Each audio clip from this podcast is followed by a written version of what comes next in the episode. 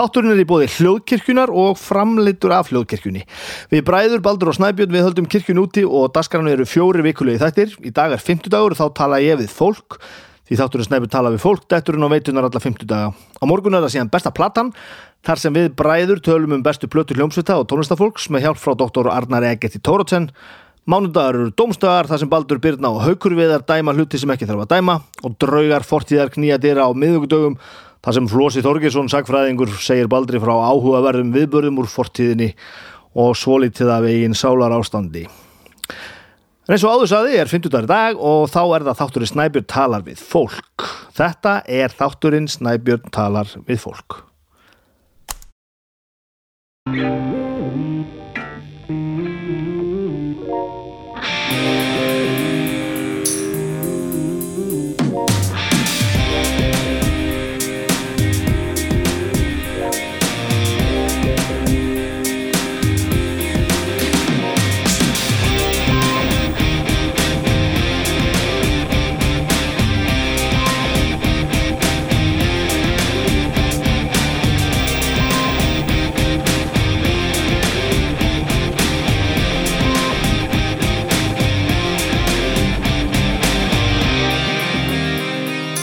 Komið sæl, velkomin í þáttinn. Velkomin í þáttinn minn Snæbjörn tala með fólk. Um, Þegar þetta tala eru svona þrýr klukkutímar í að þátturinn fari í loftið. Þegar ykkar sem hlusti reglulega og vitið fylgist með okkur á, á hérna á samfélagsmiðlum og svoleiðis vitið það að allir þættir hljóðkirkjunar e, detta inn á miðnætti í rauninni kvöldið áður en, en auglistu dagur er. Þannig að til dæmis þessi þáttur Snæbjörn tala við fólk sem er alltaf á á 50 dögum hann er komin á veitunar svona á fyrsta klukkutímanum eftir minnati þannig að hann fer í loftinuna klukkar eina mínútu yfir 12 uh, svona á, á miðlaðasvæðið okkar og þaðan eru, eru, eru veitunar Spotify og, og Apple, hvað þetta heitir nú allt saman. Uh, það tekur svona einhver smá tíma fyrir, fyrir þess að veitur að pikka þetta upp. En þið eitthvað sem getið ekki beðið þá vitið það að, að, að þættir í detta inn svona þetta löst eftir minnati ég sitt hérna í Svefnarbergi bara upp í rúmi með bara mikrofónin í höndunum. Ég veit ekki hvað Baldur bróður minn áttur að gera í þessu hérna eftir korter þegar hann klárar að sitta þáttinni saman. Þannig að ég kannski ekki mjög ánægða með það. Ég sitt hérna og káfi á mikrofóninum svona til þess að búa til svona svona hljóð. Hann lítur að berga því. Þetta er svona orðið þetta er pínu svona skulum segja að, að daskar á dagana er svolítið svona þétt. Maður spilar þetta orðið svolítið svona eftir að fríinu laug þá þá, þá fer, fer, fer dagur svolítið í því að spila þetta eftir hendinni bara og ég til dæmis viðkenni það að ég veit ekkert hver verður í þættinum hjá mér í næstu viku. Ég hef ekki náðu að plana neitt nú bara á lífið einhvern veginn að detti rútinu börnum mín eru hérna sittir í hverju herbygginu frammi að sopna og Agnes er hérna frammi bara að ganga frá og, og fylgjast með því að börnin gerir svo, svo fyrir þau að lagt. Og við erum bara í því að vakna mótana og fara í vinnun okkar og, og græða og gera. Þannig að ég viðkynni það, þetta er spilað eftir hendinni og nú er ég að lesa þetta inn hérna svona cirka þremur klukkutífum áður en að þetta fyrir loftið sem er á gett en þetta er svona þetta er, lífið er farið eftir, eftir í gang eftir svona, eftir þetta sumarfrí og, og brúðkaup sem ekki var brúðkaup og allt saman og, og hérna, þetta er allt saman á gett krakkandi komin í rútinu og, og það er rosa mikið COVID náttúrulega og engi kann að haga sér, við vorum eiginlega duglið þessu hérna fyrir einhverjum vikum og mánuðin síðan, nú er allir búin að gleyma þessu núna finnst manni svolítið þess að það fari meira bara það, í það tími fyrir að rýfast um hver, er, hver, hver kann ekki að fara eftir reglunum heldur hann að reyna að drullast til þess að fara eftir þeim.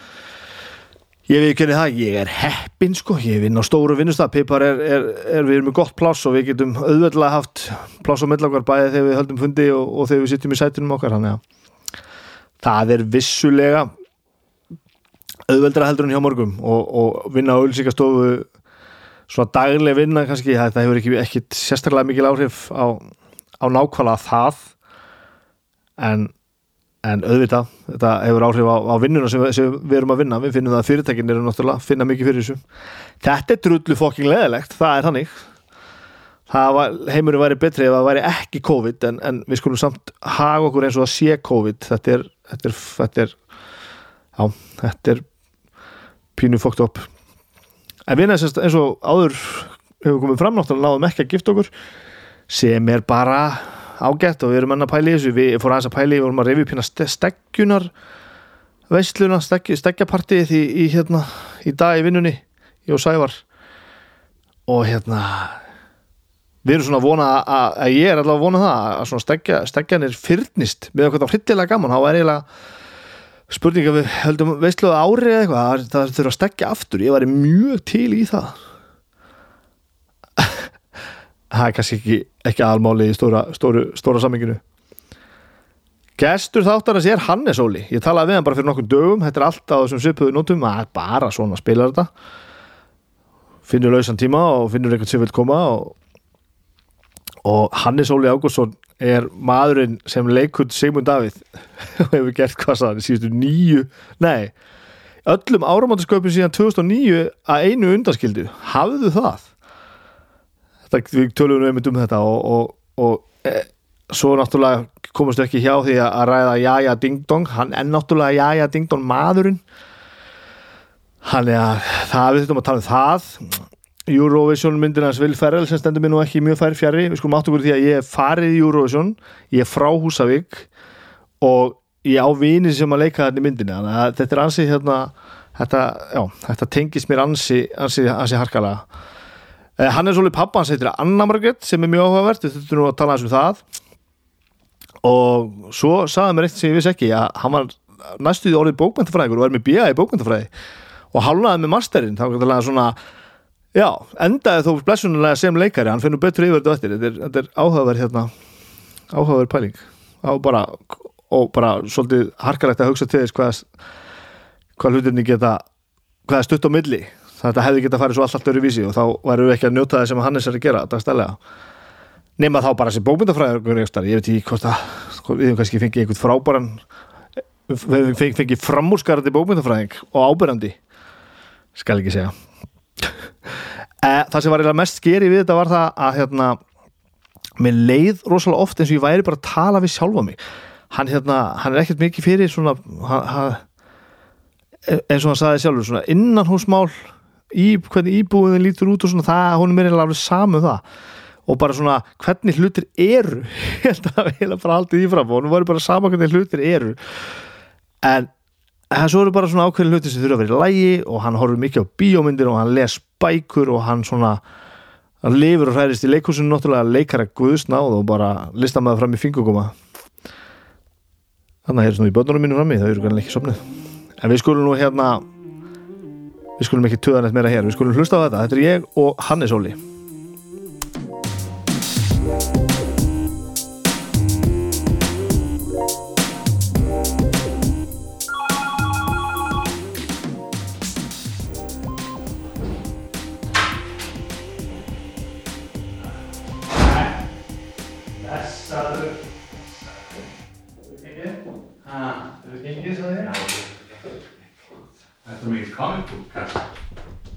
ég les eiginlega langmest teknindasögur sko.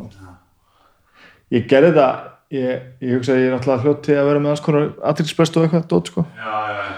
Ég fa fann bara eitthvað tíman, þá hafði ég bara ekki lesið bók í, í bara fjögur ára eða okay. og, og bara í alvörun, ég hafði bara ekki, ekki, ekki lesið bók, það var ekki að það mér fannst leiðilegt að lesa, en ég, ég bara, þú veist, var eitthvað svona gamlan teknindasögur áhuga sko, og, ég, og þetta er svona tíu ár síðan eitthvað, og ég fóð bara keifti mér svona teknimundasum og þá bara byrjaði ég að lesa sko. já, og svo hef ég ekkert, ekkert losnað á því. Nei. Ég er það ég er dattinn en ég er, ekki, ég er ekki mikið inn í en ég svona fatt að maður gæti ekki alveg verið svona kultúrli hérna inn í, eða þú veist, ég var svo mikið bara að lusta podcast um, um bíómyndir og eitthvað svona og um bíóáhamar og þú veist, það var alveg svona og lesa rosa mikið. En fannst að þetta vantaði alveg í minn þú veist vocabulary einhvern veginn þannig að ég, þú veist, last á eitthvað, Watchmen Já, teiknum þetta sögum bara, bara yfir höfuð, sko, þetta bara var bara, þú veist, en ég hef samt finnst það svo dætti miklu meira inn í bara eiginlega bara svona superhetju Já, ég er einmitt bara ekki þar, sko. Nei, mitt, en svo, þú veist, ég las alveg Watchmen og ég var að lesa Preacher og einhvern veginn svo var einhvern veginn Preacher það var ekki til meira á bókasafnu vant eitthvað, þú veist, eitthvað, ég var að lesa alltaf seríuna. Já. þá fann ég bara eitthvað annað eftir Garth Ennis og þá var það, þú veist, Punisher eða eitthvað. Já. og að ég fór bara með þaðan inn í þetta allt. það er það sem maður gerir. Maður finnur sér einhverja höfunda og re rekur sér eitthvað áfram. Við erum bara að byrja það sko, halló, Já, halló, er ekki góður? Jú, er, þetta, er ég góður? Svona, er Bara- ekki er þetta ekki meira svona í mækin? þetta er bara svona, þetta er frábært. Herru, ég er nú ekki með mikið plan Nei, nei, nú er ég að fá að vita allt sem þú getur sagt mér, allt við höfum allan daginn þú verður að vera leiðandi í spurningu ég er ekki hérna Jú, að, just, ég get alveg verið það en ég er ekkert eitthvað endilega sá sem að situr allt á borðið einhvern veginn allt. Byrju, ég ég vil bara byrja að ég veit bara bara hvað þú ert sko Hvað? Ertu, hvaðan? Hvaðan? Já, Hvaðan? Hvað, ég vil ég vita er hvað þú ert stoltur uh, 109 Re- Reykjavík Ok. breiðoltinu sko selja hverjunu náttúrulega var í seljaskóla og hérna fættur þar fættur uppalinn þar og fættur 1981 þannig ég er 39 ára.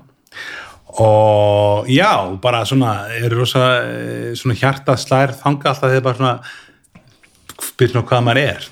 Já. en ég svo tengi er, er líka sko halda margir eða svona sömur sem umgengst með ég sé frá hérna borga fyrir eistra vegna þess að mamma mín er þaðan og ég tala alltaf svo mikið um það. Já, þú veist, já, ef eitthvað hittir þekkjum einhver tíma að þú veist, eða eitthvað þú veist, ég hef lendið að fólk sem er búin að þekkja mér í smá tíma bara, já, bjóstu alltaf á borga við neistra, bara, nei, nei, nei, nei, nei, ég fór í tvær vikur á hverju sumri Já, ok, skilur ok. við eitthvað, þú veist, mamma mín er, er þaðan og við fórum alltaf einhver öllum fríum, sko. Já, þannig að þú veist, fyrir mér er það, þú veist ég fór eiginlega aldrei út af ringveginum fyrir en ég var hann bara úling því að þurfti alltaf að drífa sig austur sko. og, hann, var, aldrei- og það var aldrei stoppa, pappin var og mjög sko andu það að ná alltaf sem bestum tíma skilur við bara, ég er náðu, tók þetta þetta tíuna það var stoppum aldrei þú veist, börnin er að pissa á sig skilur við þannig að þannig að já, þannig að ég er svona er að mjög mikið, mikið hjartamitt slæðir mikið þar sko, en, hérna, en ég myndi nú segja að ég væri, en ég er nú samt breyðiltingur sko, já. bjóð þar þunglega 16 ára eða 15 ára. Og, og sérst, mamma bara flutt, flutt hún bara í borgina og já, hún var bara ekki að fóra í samvinnu skólan og kynntist pappa og hann, pappi er úr Reykjavík og þau fluttu í bæinn og eitthvað, ég held að pappi hafi ekki viljað vera út á búa út á landi og ég er ekkert þessum að mamma vilja eitthvað eitthvað ala mannin endilega á borga fyrir sko, þannig. Nei. en í dag, þú veist, núna er hún búin að vera núna í þrjá mánuði held ég að borga fyrir estra já, já, hún ásitt all, allt þar ennþá. Já, já, hún er sko elsta 11 sískinum og er, er hún elst af 11 sískin? já, hún er elsta 11 sískinum fucking 11 sískin býtu þau eru sko, mamma er elst mamma, amma mín eignast þannig þegar hún er sko 20 og einstaka gam- gömul, hún er 8. júli og mamma, amma mín er 7. júli en svo er amma mín, mamma mín sko þau komið sér nýju á tíu árum þannig að amma mín, þegar amma mín var 30 þá áttu hún nýju börn ég er 39 ára, ég var eitt börn minnst alveg nóg sko þetta er bara svona og svo sko setna, þú veist, langaði henni fleiri börn. Ég held að hann að hætta á pillunni. Að henni langaði fleiri börn, svo er þetta bila milli næstu tveggja sko, eða svona, ekkert eitthvað brjálæðslegt en þetta eru eitthvað 11 börn á 17 árum. Og það er um 9 á fyrstu 10 þetta er ekkert eðlilegt maður. Að borga við reistar því þið geta ekkit svo óðin nei, ok. Það er alveg að, aðeins mín átti átti sko, að hafi verið bæði sko, borgfinningar þú veist líka, ég má rétt. Og aðeins mín átti sko, þau voru 14 held ég eða, eða hvort þau voru 13 sem lifðu eða, eða 14 alltaf þetta er ekki eðlilega tölur þetta er rugglaða tölur og sko. maður, bara, maður getur ekki sett í þessi spór sko. Hvernig á maður að búa? Hvað þarf maður að kaupa stórt hús? Bara allt hús ekki mjög stort, mammi bjóð í húsin Solgarður á borgarfili sem er svona 70-80 fermetrar. En þeir flutt, eða akklus 80-90 fermetrar, þeir fluttu þaðan sko að minn síðan, þeir allir voru eiginlega að fluttra heimann sko, þá fóru þeir miklu starra hús sem í dag en sko því Solgarður er bara, þú veist, það er býr eitt strákaða númendi með kæristinu sinni og það er bara fínt sko, þú veist þetta er svo alltaf standard alltaf er standardin sko og ég held að langa mín hafa líka búið hérna sko þannig að amma afi 11 börn og þetta er ekki neitt í, neitt í grári fornöld þetta er bara, þetta er bara þetta er bara 1900, mammi fætt 1952 já, akkurat, þetta er bara þetta er bara nútíma hún er bara nýju komin eftir mér sko. þetta er magnað maður. já.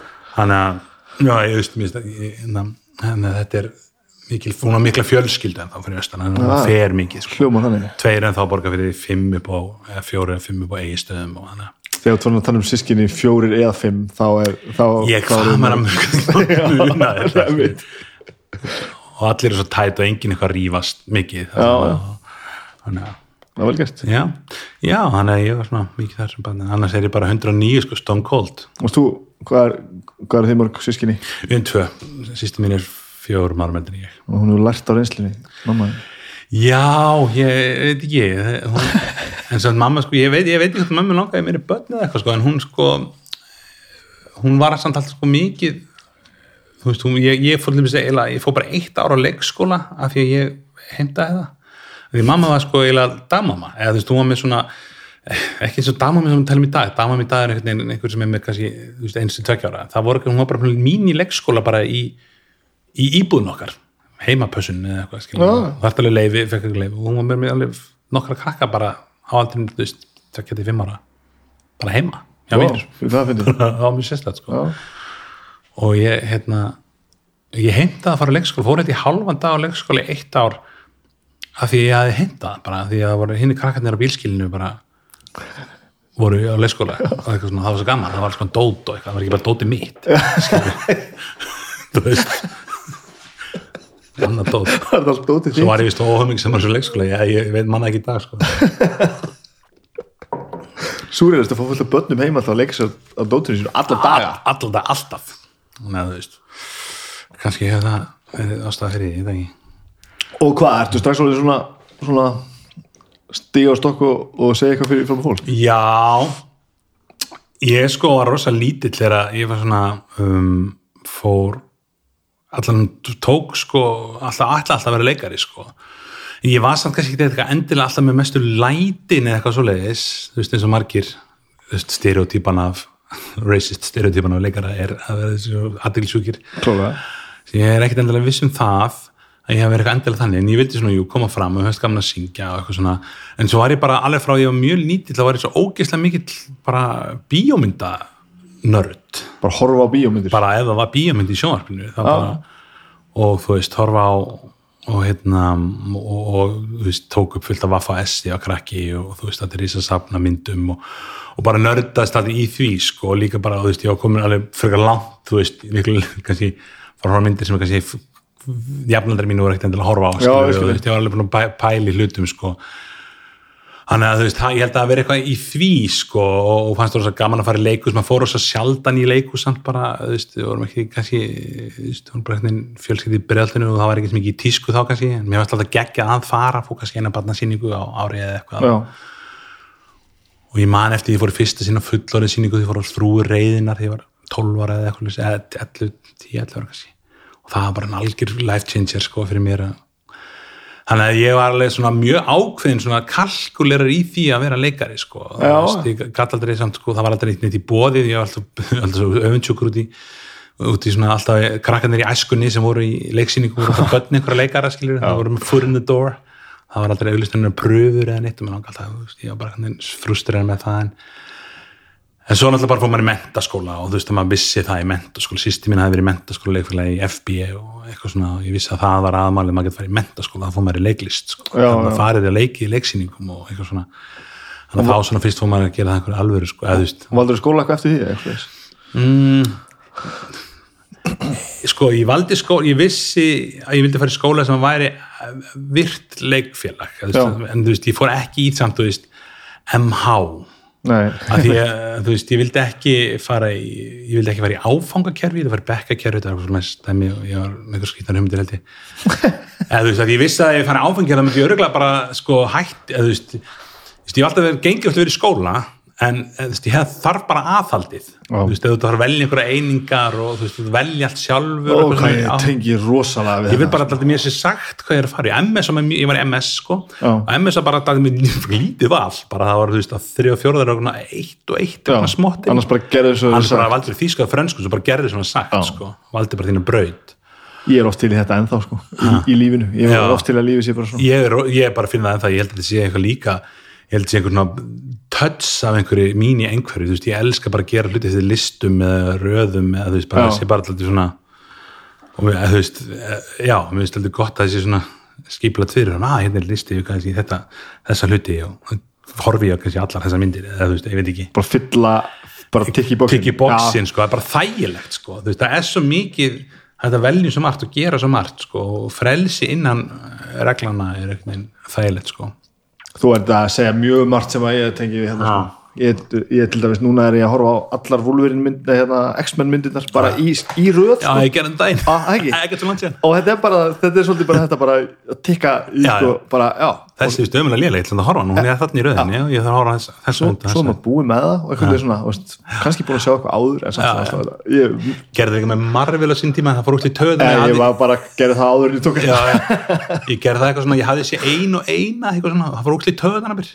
svo bara byrjaði ég að byrja nú.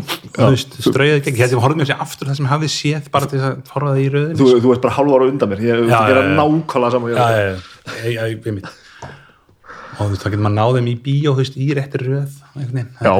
Þetta er er þannig pæling sko. já, þannig að þetta hefur alltaf aldrei stjórnað. En ég fór í, send, ég fór í MS á stertkerfi og ég, það hafi verið, ég vissi að það verið stert leikfélag og, og bara og var með þess að bara mjög öflugt þegar ég var. Og nú bara fólki sem að einhvern veginn nefndi saman um sterkur vinahópur sem að, sem myndaðist sem að og þú, alveg, þú ferð alveg hérna, inn og veist alveg að þú ert að fara að leika þú, þú le Já. leitar það bara uppi og ert bara já, til ég, í það veit að veist, ég, þegar ég útskrifast úr mentaskóla ætla ég að verða leikari Já. og er alveg bara öll fjögur ára inn í mentaskóla, þú veist, er ég í leikfélaginu og þú veist, og, og mikið í félagslífinu og hérna mikil djamari og þú veist, ég var líka söngu að keppnin einu sinni og þú veist eða veist, hvort ég tók oftast þátt í henni, tók tvistar þessi þátt í henni vannan einu sinni og, og hérna svo bara er ég í síðast ári í mentaskóla og ég fer í inntökuprófi leiklisskólan og bara all according to plan -hmm. og kemst ekkert áfram bara, bara út í fyrsta? bara út í fyrsta bara, og þá svona yes. þá er ég bara svona, já hvað á ég þá að gera? Einhvern veginn. Þannig að, já.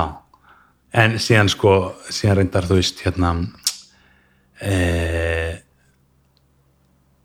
fatta ég þá sko, að bara, þú veist, emitt ég er tvítugur, skilur, ég get bara að fara í háskólan þú veist. Að, þú veist, ég var ekkit eitthvað, ég var ekkit, ég var áttalega, aðra, það voru nokkur, við vorum nokkur saman sem voru svo mikið búin að vera leikfélagin lengi og, og tveið, þrjá aðri sem ekki sem fóru, fóru í næsta hol og, og duttu þá út, þú veist. Og þeir voru svo brjálæðislega miður sín, einhvern veginn. Eh, eða þú veist, það tók þau einhvern veginn, þau voru dati, já, mér fannst þið allan að svona taka eitthvað harkalega. Og ég var svona bara, já, nei, þetta er bara, það er annað próf, þetta er þetta próf og eitthvað, já, bara þú ert ekki fyrsti leikarinn sem ég tala við þetta sko. Nei, nei, nei, og við erum á þessum aldri. Já, þetta var samt svona þetta var bara komast inn í leiklistaskólan eða bara að þú þurfti bara að fara að gera eitthvað annað það, þetta fara át, út að læra var til dæmis ekki Nei, það var svona aðeins Það var aðeins að byrja Já, kannski. ég meni, ég, þú veist, þessi, ég er 81 það, var, það var aðeins að byrja að koma þú veist, einhverju voru að fara út, það voru einhverju skólar fannir að taka prófinu heima og ég þekkti einhverju sem voru svona og þannig að þú veist, ég sá það alltaf fyrir mig bara, ok, ég bara, þú veist, fer setna, skilur, og ég ætla ekki að fara að vinna, sko. Það er bara það kom ekki til greina sko. Það er bara, ég, ég gæti lifað að litli og bara, hérna, ég vildi bara læra sko, og finnst, ég er bara voða gaman, ég er rosa mikill akademir í mig. Ég, ég, ég get valla hérna, nagli í vegg, sko. En þú veist, ég get alveg lesið lesið endalaust og pælt Já. endalaust. Ég mun ekki svona hugvist að kall þannig að ég fór bara fór í bókmyndafræði og var þar alveg Það að taka, taka bara ár þar, svo aftur í próf næst og ég gerði það og fór aftur í próf næst og komst aftur ekkert áfram. Og þá hætti ég við að vera leikari.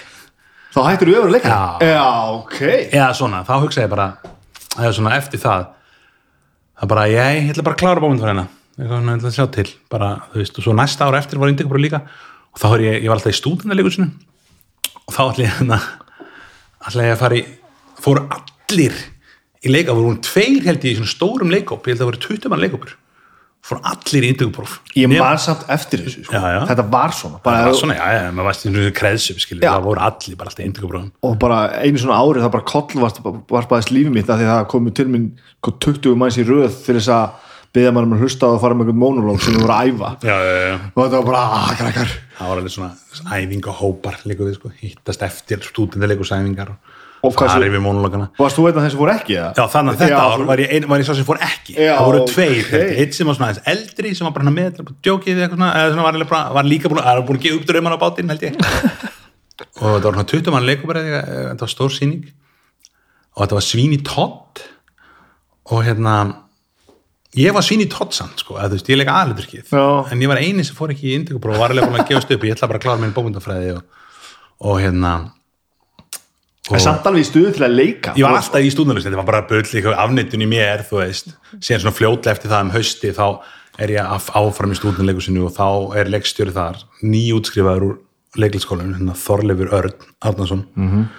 og einhvern veginn er, erum við bara fyrir utan þú veist, einhverju fyllir í, hann var eitthvað ekki fyllir í teka fram, hann var, hann var eitthvað heldur sem hann var 18 ára, en hann var með okkur alltaf hérna eh, hérna erum við eitthvað út að reykja bara og erum við eitthvað tveir og hann svona, já, hann bara svona spyr mér svona, hvað, og allar ekkert að fara í indtökupróf og eitthvað svona, ég bara, jú, ég, ég veit ekki, nei, ég svona, kannski, og hann eitthvað bara hveti mér svo mikið, eitthvað, hann bara hann bara svona neðglir það inn, þú veist, með hérna, svona, svona sterkar nervur stundum, þóluður hann bara, bara hann fór hann nálætt mér og hann horfði í auðvitað mér og, og hann var ekki ekkert eftir þessu, ég man mjög vel eftir þessu, en hérna, þá svona, ok, ok, ég geri svona one last run, þannig að það var ekki tekið það á vorið, þannig að það voru eiginlega tvö ár þetta og þá bara svona fæði fór ég allir bara undirbæð mig gett snemma fór geð byggja, þú veist, bara æfa mig mónloka bara, þitt að það verið svona hangandi hendið allt kannski meira.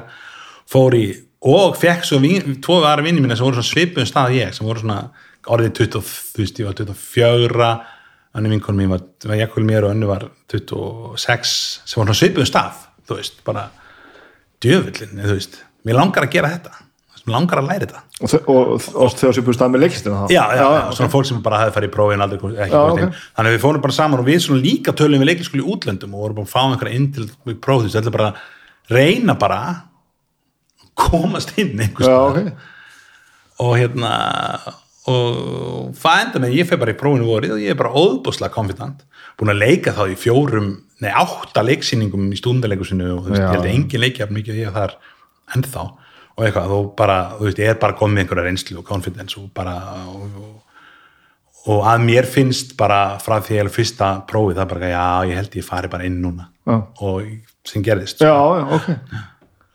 Er og, líka og vinkunum mín sem var líka að prófa hérna, var, var með mér að gera Já, ok. að reyna að fá, og svo hinn, þú veist, þú voru þrjú saman að vinni þessu indökuprófum og einn komst inn sín í mjög góðum skóla í London. Þannig að maður bara ekkert ákveða þetta og gera þetta, það er með þetta sko. Já, mér finnst þú líka vera svona aðeins að lýsa hérna svona.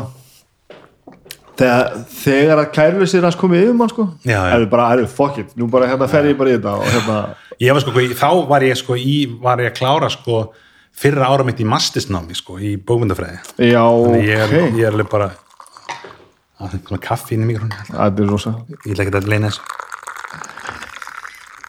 þetta er ekki svona þannig podcast? Þetta er svona podcast þetta er þannig podcast. Og hvað, já, þannig að þú ert þú, þú ert BA í, BA í bókmyndafræði og hálfaði með master, Eh, kláraði fyrir ára mitt í mastisnámi yes, og ég er djótt fyrir núna þetta er 2006 já, 2006 nei, 2005 kemst ég inn. Mm. þannig að það er komið langur tími. En hérna mm, já, var bara mikið inn í því var bara farin að vera okkur svona þú ykkur í, í, í nýja garði með prófessorun með það að sitja og drikja rauðvín og eitthvað með erindi, þetta var maður var komin einhvern veginn svona, maður var detta inn í svona einhverja svona fræðimanna kreðs já, bara komið sér slopp og inn sko. næstum því sko. Allan og svona sko. flauelsjakka með svona leather patches. Já, akkurat. Þannig að já en þá fóðum við bara aftur á skóla bekk og, byrjaði bara núli og það var rosa gaman og, en, það hefur sérst gerðilega ekkert verið neinn, neinn svona, þú hefur ekkert hugsaði neitt um bara, nú ertu bara komin inn og þá bara ertu aftur komin á leikara brötina það bara, var bara þannig sko. Já. ég man bara því ég fekk brefið og þú veist hérna uh, ég var þetta aldrei þunnur. Það var sem það hefði verið þú veist, það er alltaf fræga brefasaga þú veist, alltaf minna brefasögu það fá brefið um að komast inn í skólan og ég hefði verið, það hefði verið frumsýna daginn áður í stundalegisinu og ég hefði sko það hefði verið geðvitt eftirparti og það hefði fullt af fólki bara sofið inn í leikusinu, þar að mel ég. Og ég vakna bara það að hérna ég vakna við það bara SMS bara frá stráksaða með mér í prófunu bara ég kosti ekki inn en þú? Og ég bara fuck? Hleyp út eða voru það granda í tónlistaþörunum mistuðinni fyrir sig og hérna var læst hörðin, það er bara læstur, læstur inni? læstur inni, allir og ég sá tvo dauða á sviðinu og einn annan í hotni og, ég finn bara veist, bruna útgangin og ringi legubíl og, og bara hérna þetta er maður, ég fór þetta mín með kópáinum og, og bara hérna þú veist, já, til að gera langsust í það, ég gæti alveg verið dítelar í það en þá kom ég heim og komdu með alla, þetta er Já, þú frábært. veist, að þetta ringi ég þá fyrir tilviljun er sko frænka mín sem ein af sýsturum að minnar númer uh, sjö eða átta í rauðinni var ákveðið í heimsókninni okkur hún býði í Nóri og ég ringi bara heim bara, er eitthvað komið bref til mín? Og bara, nei, ekkert bref komið til þín. Og ég bara, ok. Bara, og svo er ég bara halnaður alveg heim og ringi síminn og bara, það var að koma bref bara as we speak. Var það bara sendt heima dyrum Já, það bara, já, þetta er, þú veist, þetta er fyrir núna er færið þetta í tölupósti og það er- gerði stuttu setna, þetta er ekki vinna argust fornöld, sko, þetta er 2005 en þú veist, það var þarna þá bréf. Allir sem voru konin síðasta hollið Þeir fá allir bref on and off. On and off, já, já. já, það er svona alltaf að tala um fólki svona segir oft, þetta er svona innan leikara stjættarinnar, ble, eitthvað, þú veist, allir muna hverju þeir voru þegar þeir fengu bréfið. Já, já, já, já. og eitthvað svona. Og en ég allan að kem heim og hún stendur í dyrunum haka mín og með, með brefið hendunum og þá var ég akkurat með tvo stráki símanir sem voru í skólanum sko. bara ertu búin að fá brefið og bara sem ég þekkti.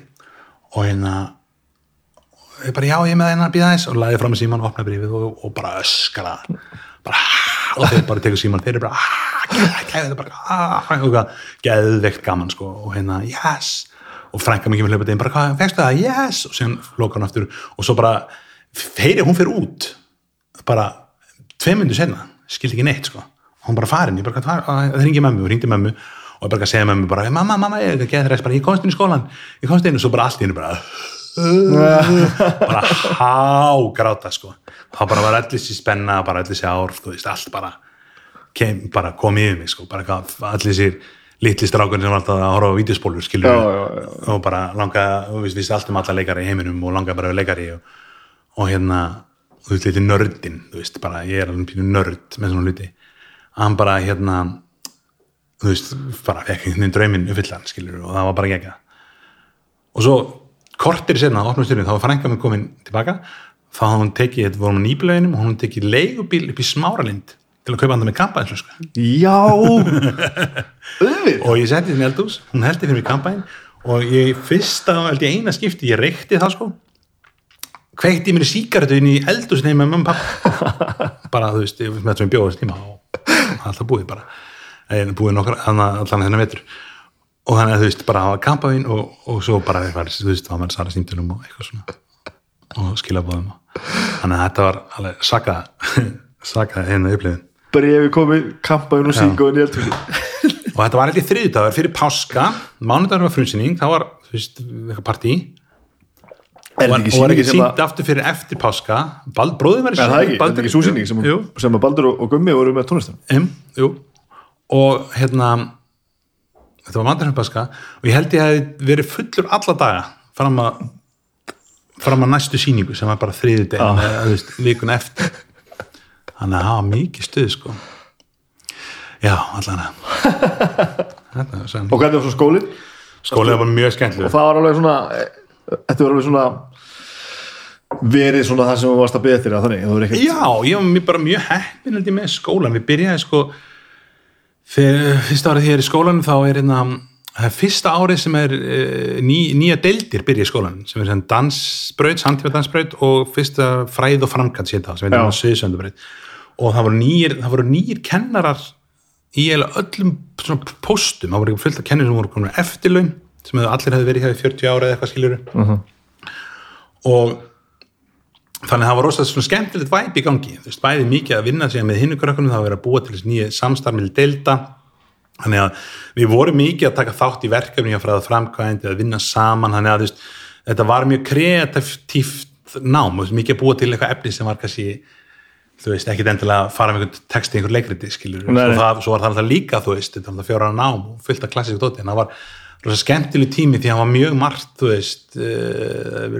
lendið svona sjálfstæða sköpun líka og, og mikla samvinni með brautin sem held ég að við voru til þess að að þú veist, það er rosa mikil munum finnst mér að krakka sem útskrifst bara þreim fjórum árum undan mér, þú veist, í, í þessu, þú veist þeir nálgast er ekki eiginlega allir, sam, Námið. ekki allir svolítið sammála því að það varði einhver rosalegu vendipunktur hann Jú, það var bara litið svona opnun sko á, þú veist, opnun á uh, þú veist, hvað leikhúsformið, ég held að leikhúsið á Íslandi hafi bara þróast svo mikið frá þessum punkti sko. Já, þú veist, ég, þannig varð bara, veist, hvað er leikhús þarf það að eitthvað í þú veist, hérna eh, þú veist, samröðinu milli dans og leiklistar, þú veist, og mér finnst allar svoleiðis spælingar svo skemmtilegar, þú veist, bara þú veist, því meiri möguleika, því betra, sko. Og þannig að ég held að frá þeim punkti ha, og úr þessum bekkjum sem er hann að útskrifast úr þeim sviðsendabraut þróast margir leikhópar sem eru bara enn þetta í dag mjög virkir og flottir sko, Já, og, og, og eru bara skólafélagi mínir og kennar, sem margir núna kennarar í listafaskólanum og, og þannig að þú veist, þetta er, þetta er rosalega þetta var rosa mikill suðupottur að vera í sko, rosa gaman svona fram að þessu var þetta svolítið fólk í leikliskólinu var svolítið bara alltaf allsbert Já, við vorum alveg allsberri oft sko. Já, ég mann eftir einu kursi sko, sem að bekkurinn minn var eiginlega allsberri eiginlega allan tíman sko. Og það var enginn að neðamann til þess. Það var bara eitthvað svona það var bara eitthvað þrjá ári bara eitthvað úhú, þú veist, eitthvað svona device theater eitthvað, og við vorum múr sem ekki allsberri að gera hæðilega hluti sko eða þú veist, en það var allt í góðu sko. Þú veist, það var allt, það var enginn að neðan, ég held að leik kennarinn hann, bara, hann hann var í, þú veist, sjokki hvað við varum miklu rugli, eða þú veist hann vildi, hann, hann pakka okkur ekki til þess. En það var kannski ekkert endilega dragur í heldur.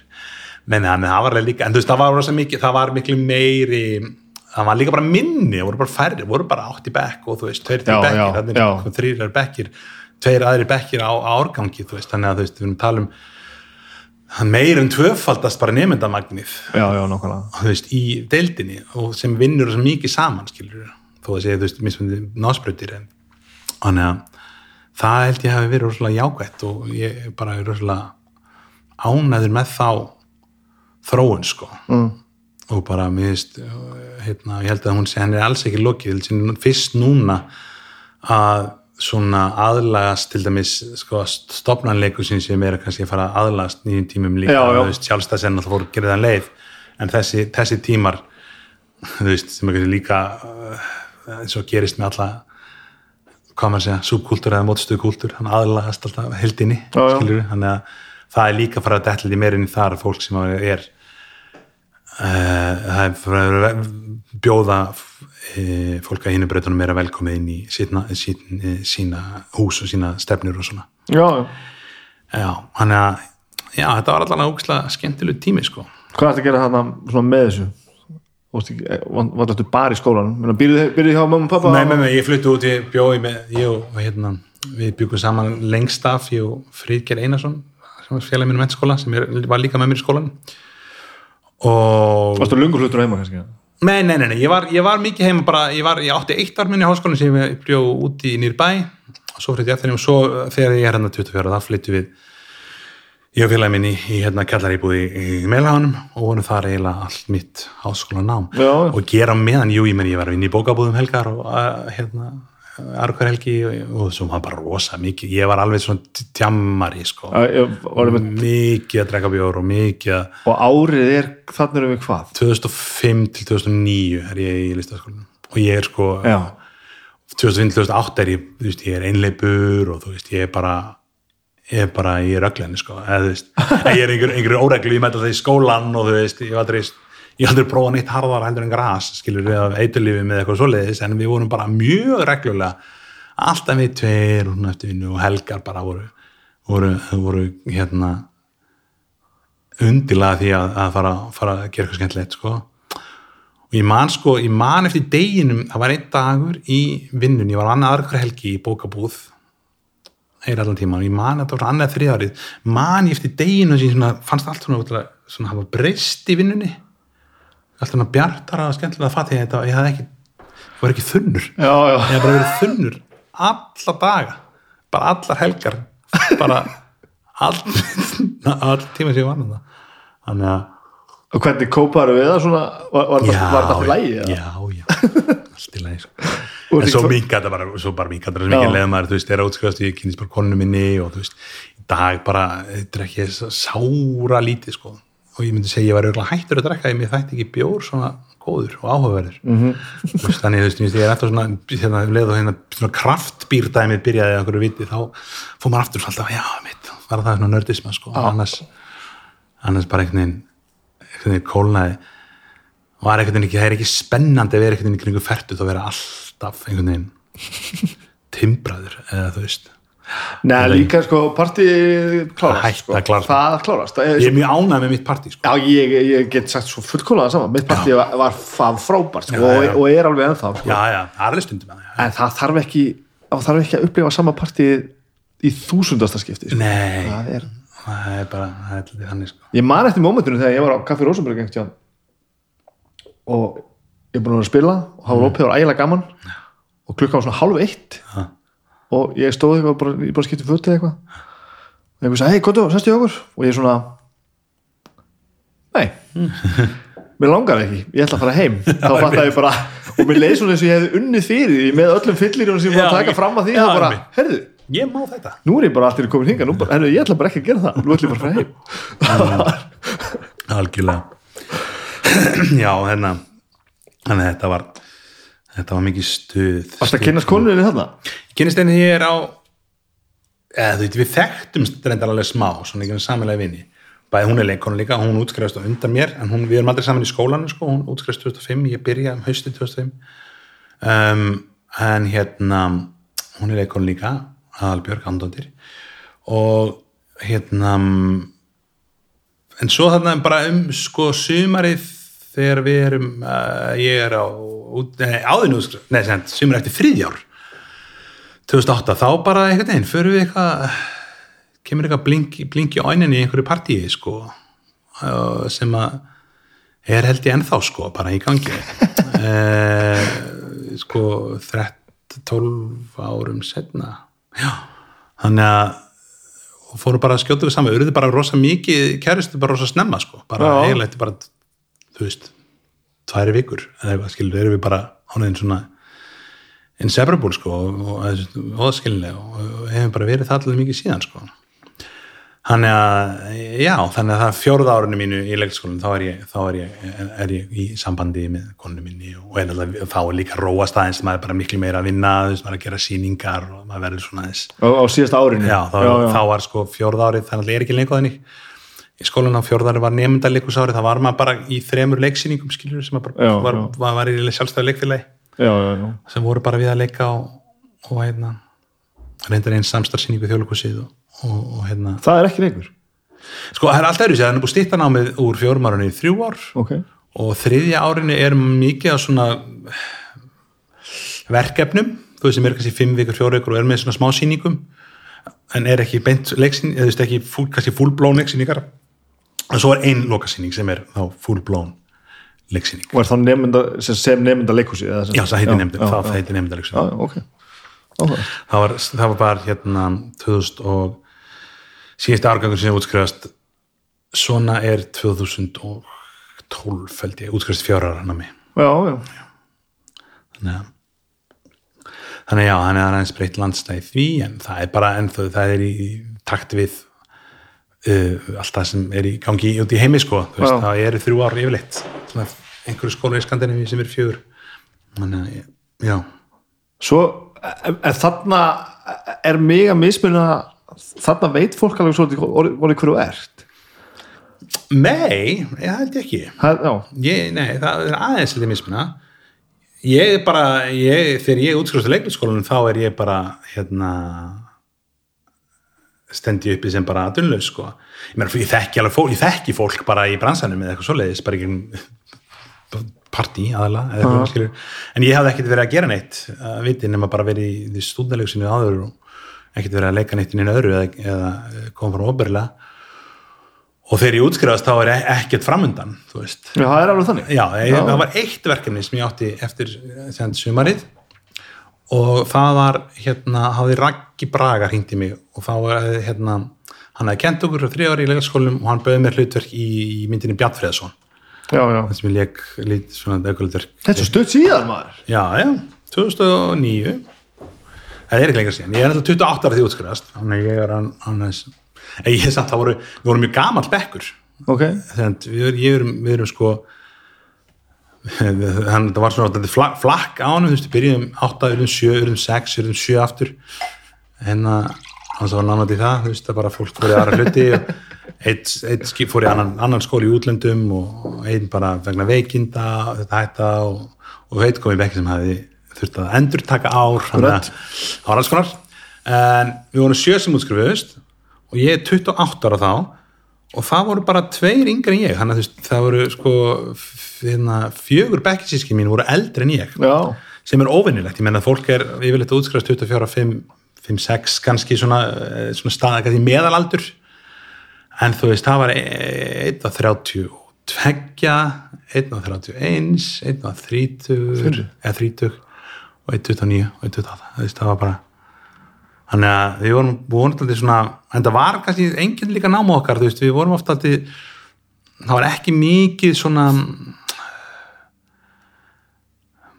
ekki vesen á okkur. Eða veist, þau voru vel alltaf einskar sem höfðu, veist, unnið eitthvað ánum komin í skólan, gert, veist aðeins byrja að lifa lífinu, ég var búin með langt háskólanám, nokkru höfðu verið bara að vinna í bara hín og þessu, bara í bransanum er að segja, í kvikmyndum og, og hérna þannig að hérna það, það var alveg svona allt pínu svona fullorðins Já, meira- veist, meira það var ekki, ekkert úlingadrama í Nei, gangi, nei, bara einmitt. voða lítið og ef það komið vandamál þá var ég bara tekið á þeim mjög hérna þroskat sko.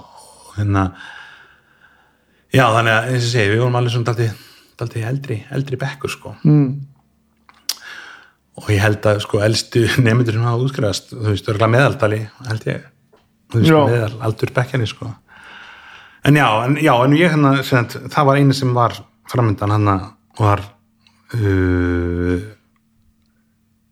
Bjartfriðarsson en svo bara byrjar svona smám saman þú veist, ég, ég er þetta hef aldrei, hef eiginlega skilur alltaf frá því útskrifaði sem er núna að vera 11 ár alltaf verið í harkinu sko raun og veru, þú veist, það var alltaf bara eitt og eitt verkefni, svo hef ég átt svona eitt og eitt ár á, á svona, þú veist, einhverju svona uh, verkefnasamning eða, eða hérna tímvöldu samningum með leikusanum, en það er alltaf bara verið svona ég veit aldrei hvað er að fara að gera.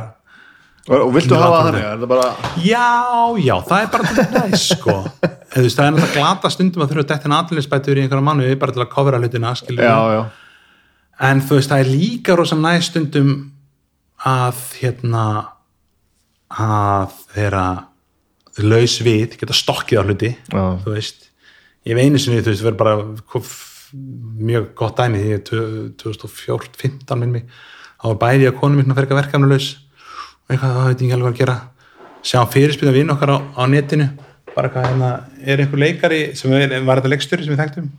Og bara er einhver leikari laus í þú veist til að gera uh, eitthvað ævintýri, man ekki hvort það var orðað eða bara að vera, fara til færi að vinna þar og við sendum hann skilabóð og bara nokkrum viku setna erum við komin til til færi að leika sko aðalutverk í sýningu sem ég hefur aldrei hlutverk sem ég aldrei fengið að leika á Íslandi já, og sem að átti síðan og svo sýning gekk svo vel og við fórum aftur með einhver leiklistráti og svo aftur einhver aðra leiklistráti þú veist þannig að það er rosalega gott stundum að vera Þessi sem getur stokkið að já, mér Já, finnst það sko. já, já. en þú veist það er líka auðvitað mjög næs að, að veist, ég hef átt nokkur ár í, í svona sem ég hef verið í leikusunum í sýningum og, og einu sinni fyrir þegar maður síðan var ég á eitt ár í samningi í borgleikusinu og, og þú veist það er ótrúlega næst náttúrulega að hafa stabiliteti en svona ég þurfti að neyta hlutverki, stórlutur í mynda hjá hana að þú bara að binda þig við svona já, já.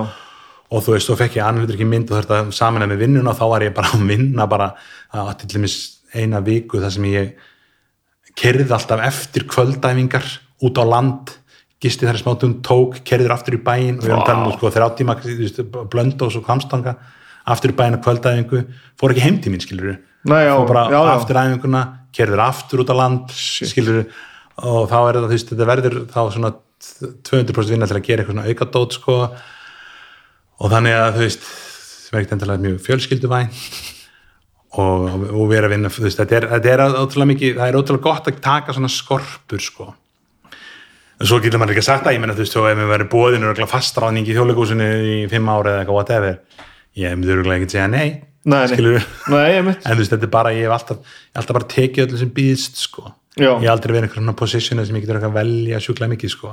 Nei, ég held ég að neita tvisa sinnum hluturki á, á æfi minni og, og annað var bara alls ekki verið þess óstíla borga fyrir eitthvað sem er ógislega glata bara svona wow laugum mig út í basically, sagði bara, hvernig er þetta? Já, það, nei, hei, veistu ég kemst ekki þá svona.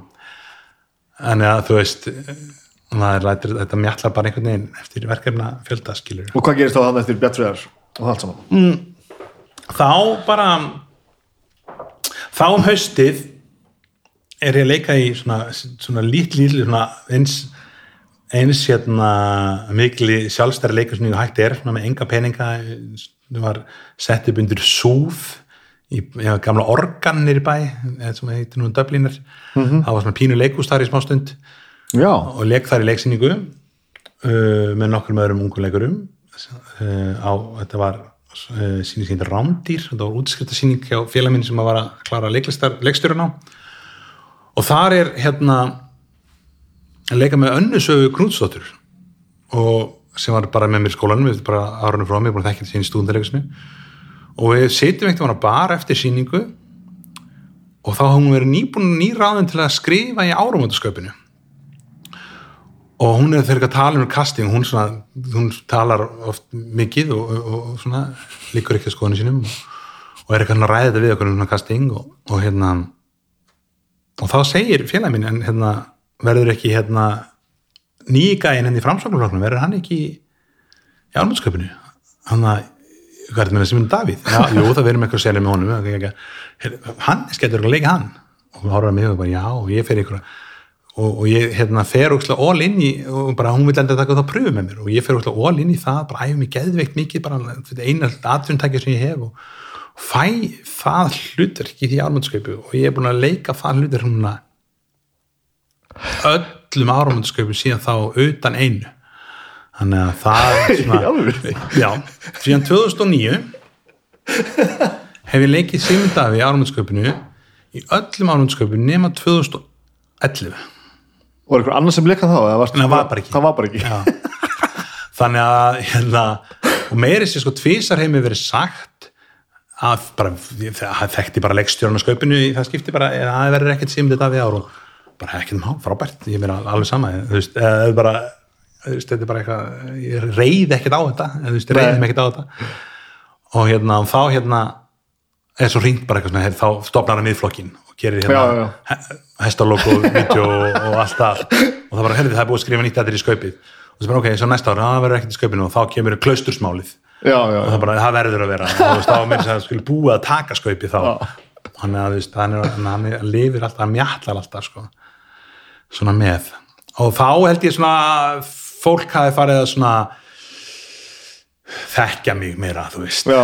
Það var, það, þetta var náttúrulega bara með var bara- ármannsköpi, horfa allir skilur Já, þetta var náttúrulega bara fréttamatur Það var Já, þegar, já. þegar þú varst að gera þetta fyrst sko. já, já, að það En var þetta hefur sérst ekki verið alveg óvart Þú er alveg tekið þetta og eftir það þá, já, ég gerði það alveg sko, þú veist, ég bara láði aðeins yfir þessu vegna þess að, þú veist ég, veit, hérna því að ég, það var ekkit annað, ég var bara veist, ég var aðeins einhverja leiksýningur í tómi innar húsnæði í, hérna, borgatúnnu með félagi minni sem hefði fjármagna sýninguna með 400 krónu yfirdrætti frá sparið hérna, Egilstað skilur og svo, Það var svo gott að lista með það, svo frábært. Frábært skilur en þú veist, svo hérna þannig að maður var svona daldið að stefna á þetta sko, þannig að vildi þú negla þetta þannig að já, ég, svona upp frá því fæ ég þú veist, eitt leir af öðru skilur, svo fekk ég kannski í leikhúsinu út af þessu, þannig að þetta er svona fór aðeins í þjóðleikus í smá stund og þú veist, ég held að það er svona bánsað svona frá þessu, fyrir það- hækósa sumarið eftir. Og þetta,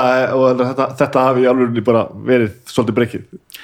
Ég held að þetta allan, sko, ég, ég held til dæmis að, ég held að Arnór ég man ekki hvort var Bjartfræðsson eða, sko, hann um jólin er náttúrulega, sko, bæði hérna uh, árumöndaskaupið og sko Bjartfræðsson er sínd í bíó. Og það, maður gleymist kannski í dag en Bjartfræðsson var, þú veist, Ísland var eina landið í heiminum þar sem Avatar var ekki vinsalasta myndin Já, í jólin, var- heldur þessu. Þannig að þú veist, það, veist Eina landi í heiminum. Já, það var bara þetta var einhverstað bara en að þú veist, það sá hann á rosa margir og, veist, og, það, og það er náttúrulega held ég upp frá því byrjar eitthvað svona bansa allan í þeim og ég held að Arnór sem að Palmi sem gerði í Hækósa hafi séð annarkvort af þessum og fekk mig þá inn í Hækósa þættina. Já. og þú veist, það og bara það er alltaf bara eitthvað svona eitt leir af öðru sko. Hefur hitt Sigmund?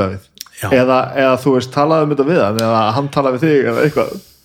Talað um þetta við hann? Uh, við erum kannski ekki mikið rætt þetta en hérna, ég er svona reykist á hann og, og það er alltaf bara eitthvað svona eða þú, ég hefði blessaður hérna óglæmið eins og það voru við hérna, við vorum eins og í hérna að taka held í skaup nummer tvö sem ég var í upp á rúf á lögadegi og þá var búið að alþingi settið og þannig allir sem voru á alþingi voru mættir.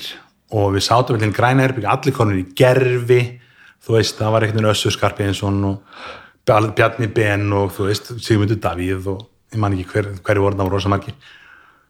Og svo allir einhver að segja einhverju sögu og kæfta og allir svona kemur nú dauða þögn á þetta leikarana og þau horfa svona baka mig, ég snými við stendur Sigmundur Davíð við kaffivélina og hann er nýbúin að taka og horfir, og fær, fær á hann svona. Bara, já, halló. Og, bara, og þá náttúrulega bara "Ah", ég í gerfi, sko, það er búin að fá smink og eitthvað, þannig að allir yfir upp símanna og, eitthvað, og hann var vandrarlegur og var, þú veist, ég hugsa hann hefði farið út ef hann ekki verið að býða eftir kaffinu sko. þannig að það þurfti aðeins að gera það en síðan þá hefur svona öðru hverju og núna síðast ég á þollagsmessu, núna síðast var ég í bókabúð að kaupa bækur. Og ég er bara eitthvað skoða bækur og allir finn ég að það er svona allir svona, horfa á mig og horfa í kringum mig og, og ég svona skil bara ekki. Ég, og ég er einhver svona sóni skilur að kaupa bara, þú veist, eitthvað típist þólasmessu hérna klísjanum kallinu að kaupa jólagjörður í sítt stundu. Og eitthvað svona, og lít bara, ég finn bara allir er að horfa á mig og ég er ekkit næmest með þér í heimi sko. og þá lítið sem ég er borðið, þá stendur skilur Sigmundur Davíð og, og konan hans nær í mig og við tökum einhverja selfies og eitthvað skilur Þannig að það er alltaf húmor fyrir þessu. Já, já, auðvitað, ég meni, já, já, já, hann hefur alveg gert það, hann var einhvern veginn með eitthvað skítakomment í, fyrstu skaupunum, sko, en það hefur alveg, hann er úr breyðaltinu sem ég og svona, hann er reyndar úr fínni hlutanum úr breyðaltinu, Já. Já, en þú veist, já, það er allt bara verið, verið í, góðu, sko. Og þú nennir þess alveg, finnst þetta alveg, þú veist? Já, já, ég nefnir þess alveg, sko, þú veist, ég er ekkert eitthvað, ég hef aldrei sóst eftir því að skemmta eða eitthvað svona skilur Nei. ég hef einu sem tvist að fara eitthvað svona þorrablót þú veist, komið inn í tvær myndur eða eitthvað, en þetta er ekki eitthvað sem Já, ég svona, sem hann meinar. Já. já, já, já. Þú getur náttúrulega að verka það á fullu og vildir að vantana örglega, sko, Já. já, ég get alveg orkað það, ég bara hef ekki í mér, sko, ég fæ bara ef einhver ringin í mig sko viðrar hugmyndunum að ég ætti að vera veistlustýra eða skemmta einhverju svona dæmi, þá bara fæ ég kvíðakast, sko, ég bara ég er ekki svona, endur, ekki þannig svona Spontant skemmtikraft Nei, ekki spontant skemmtileg, ég get alveg skemmtilegur en ég þarf að undirbúum, undirbúum mig þá og þú veist og það veldur mér hérna kvíða skilur og þú veist, þú veist eh, hérna já. En ég hef ekki sóst mikið eftir nei, mm. en ég hef alveg gert það. En ekki mikið. En þannig ertu að fara að fá bara mitt þetta, hækósi og allt þetta og Já, bara það er að byrja aðeins að mjalla sko, eins og segja, og það hefur alltaf mjallað síðan þá sko bæði náttúrulega svona fengilutur og líka bara duglega að skapa með, við, við, með tækifæri með vinnum mínum, þú veist, til sækjum hérna, leiklistaráð og og, og svona þessa hína þessa hluti sko. Og lætur þú að verkefna stöðuna svolítið stjórn, stjórnaði bara, þú veist, hvað þú ákveður að gera þann morgunin bara, ef það er lítið framöndan ferð þá bara finnur eitthvað að gera. Já, já, daldið, sko.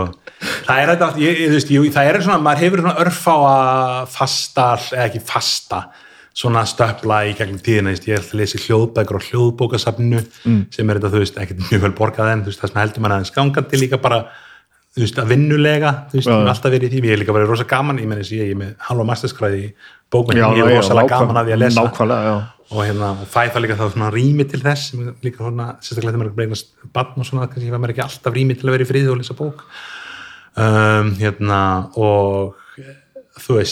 maður bregnast barn og og og og eitthvað svona skilur, eitthvað svona litli hlutir. En, en já, það er svona verkefnastaðan er stundum bara stundum er ég bara heima að horfa á vídeo sko á mánudegi, veist, það getur alveg komið fyrir en það er kannski bara vinna á lögadegi þetta er svo skrítin starf oft með það og svo kannski þegar maður er í einhverju myndi eða eitthvað, það maður er að fara út á land kannski í viku eða eitthvað, þú veist. Já, já. þetta er bara, þetta er svona alveg sjómennska stundum sko. Sem er, já, sjómennska með svona slatta strandviðum stundum farið í smuguna.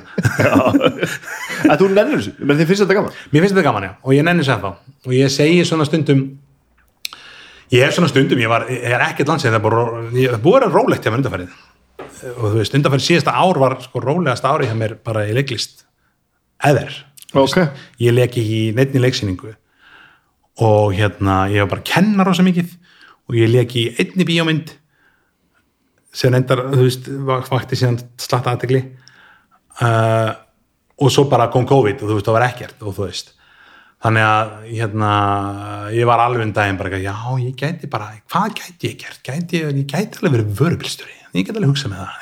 Já, get þyrfti bara- að gera Já, ég meina, þú veist, hvað ég gefið svo langa tíma? Já, ég skilji hvað sem lengi nenni þessu? Þú veist, og það er alltaf gerist þeim og maður fær svo oft þegar það er lítið að gera. Já, og svo bara, þú veist uh, hérna, langar mig að vera kennari þú veist, ég er að kenna alltaf að leiklist, uh, leiklist í, í, ég hef verið að kenna smá í, í listaskólanum bara, leik, leikarabreytinni Já. bara gamla skólanum. Og ég er að fara að kenna það núna klöðlega. Og hérna, en bara svona, þú veist, kurs og kurs, þú veist, bara svona styrta tardir og hérna og eitthvað allt þetta. Og svo ringir skilur síminn kannski í daginn og þú veist, svo er maður alltaf að pröfa fyrir eitthvað að gera eitthvað og þá allt inni verður fyllist allt og maður er vandræðum þú veist, já, og mikið að gera eitthvað þú veist, þannig að þannig ég nenni samt, ég hef óbúslega gaman af þú veist, ég er ég er, er svo mikill líka ég, fatlaður að því leiti að ég hef eiginlega ekki áhuga svona raunverulegan brennandi áhuga á neinu nema leiklist eða þú veist, á kvikmyndum tónlist og leikhúsi og bókmyndum Þú veist, ég get talað um þetta við, ég get ekki margar klukkutíma á podcast við að tala um, þú veist e- músík eða, eða hérna, bíómyndir skilur já, já. þú veist, ég, ég hef, hef ekki áhuga á hef ekki raunverulega áhuga í hvað, hvernig dót er heima hefur mér skilur Já, ég skil ég, hef ekki raunverulega áhuga á að þú veist, mýðalegt, ég hef alveg unni í vinnum það sem ég þurfti að vinna við kringum gröfur eða eitthvað, því ég bara hana kveikir ekki í mér, þannig að þetta er þetta er rosalega hérna þú veist, ég á erfitt með að, þú veist, flest allar vinnur sem ég færi í væri ég ekki að gera held ég af mikil, mikil nei. skilur ég skil. þú veist, ég gæti orðið, jú, jú, örgulega einhver hluti daskargeðmaður í útvarpi eða eitthvað svona, skilur eitthvað svoleiðis, en þú veist mér langar ekki að fara í hérna stjórnunarnám og verða nei. gæti kannski verið leikstjóri eða eitthvað svona en þú veist, ekki hagfræðingur eða þú veist, ég ég ekki bókmyndafræðingur eða eitthvað, þú veist. Þetta er þannig að, þú veist, ég, og ég hef alltaf ennþá, ég hef ennþá brennandi áhuga. Ég, ég er ennþá þegar ég mæti verkefni, nýju verkefni þá, þú veist, þá skil ég, sökku mér alltaf inn í það, skilur og þú veist, ég er svona researcher og, og þú veist, og hérna, mist gamla research, það, ekki method, heldur svona, þú veist, ég er bara research að hluti, sko, og er alveg nörd með það, sko, en en hérna eins og ég segi, ég sé ekki fyrir mér af hérna veist, þetta er ennþá sem ég hef áhuga og brenn fyrir að gera og, og meðan það er eitthvað að gera í því þá fer ég ekki í leiðsum mannskólan að meðan Nei, ég skilji. En þú að vera alveg svona, svona, svona down to earth einhvern veginn.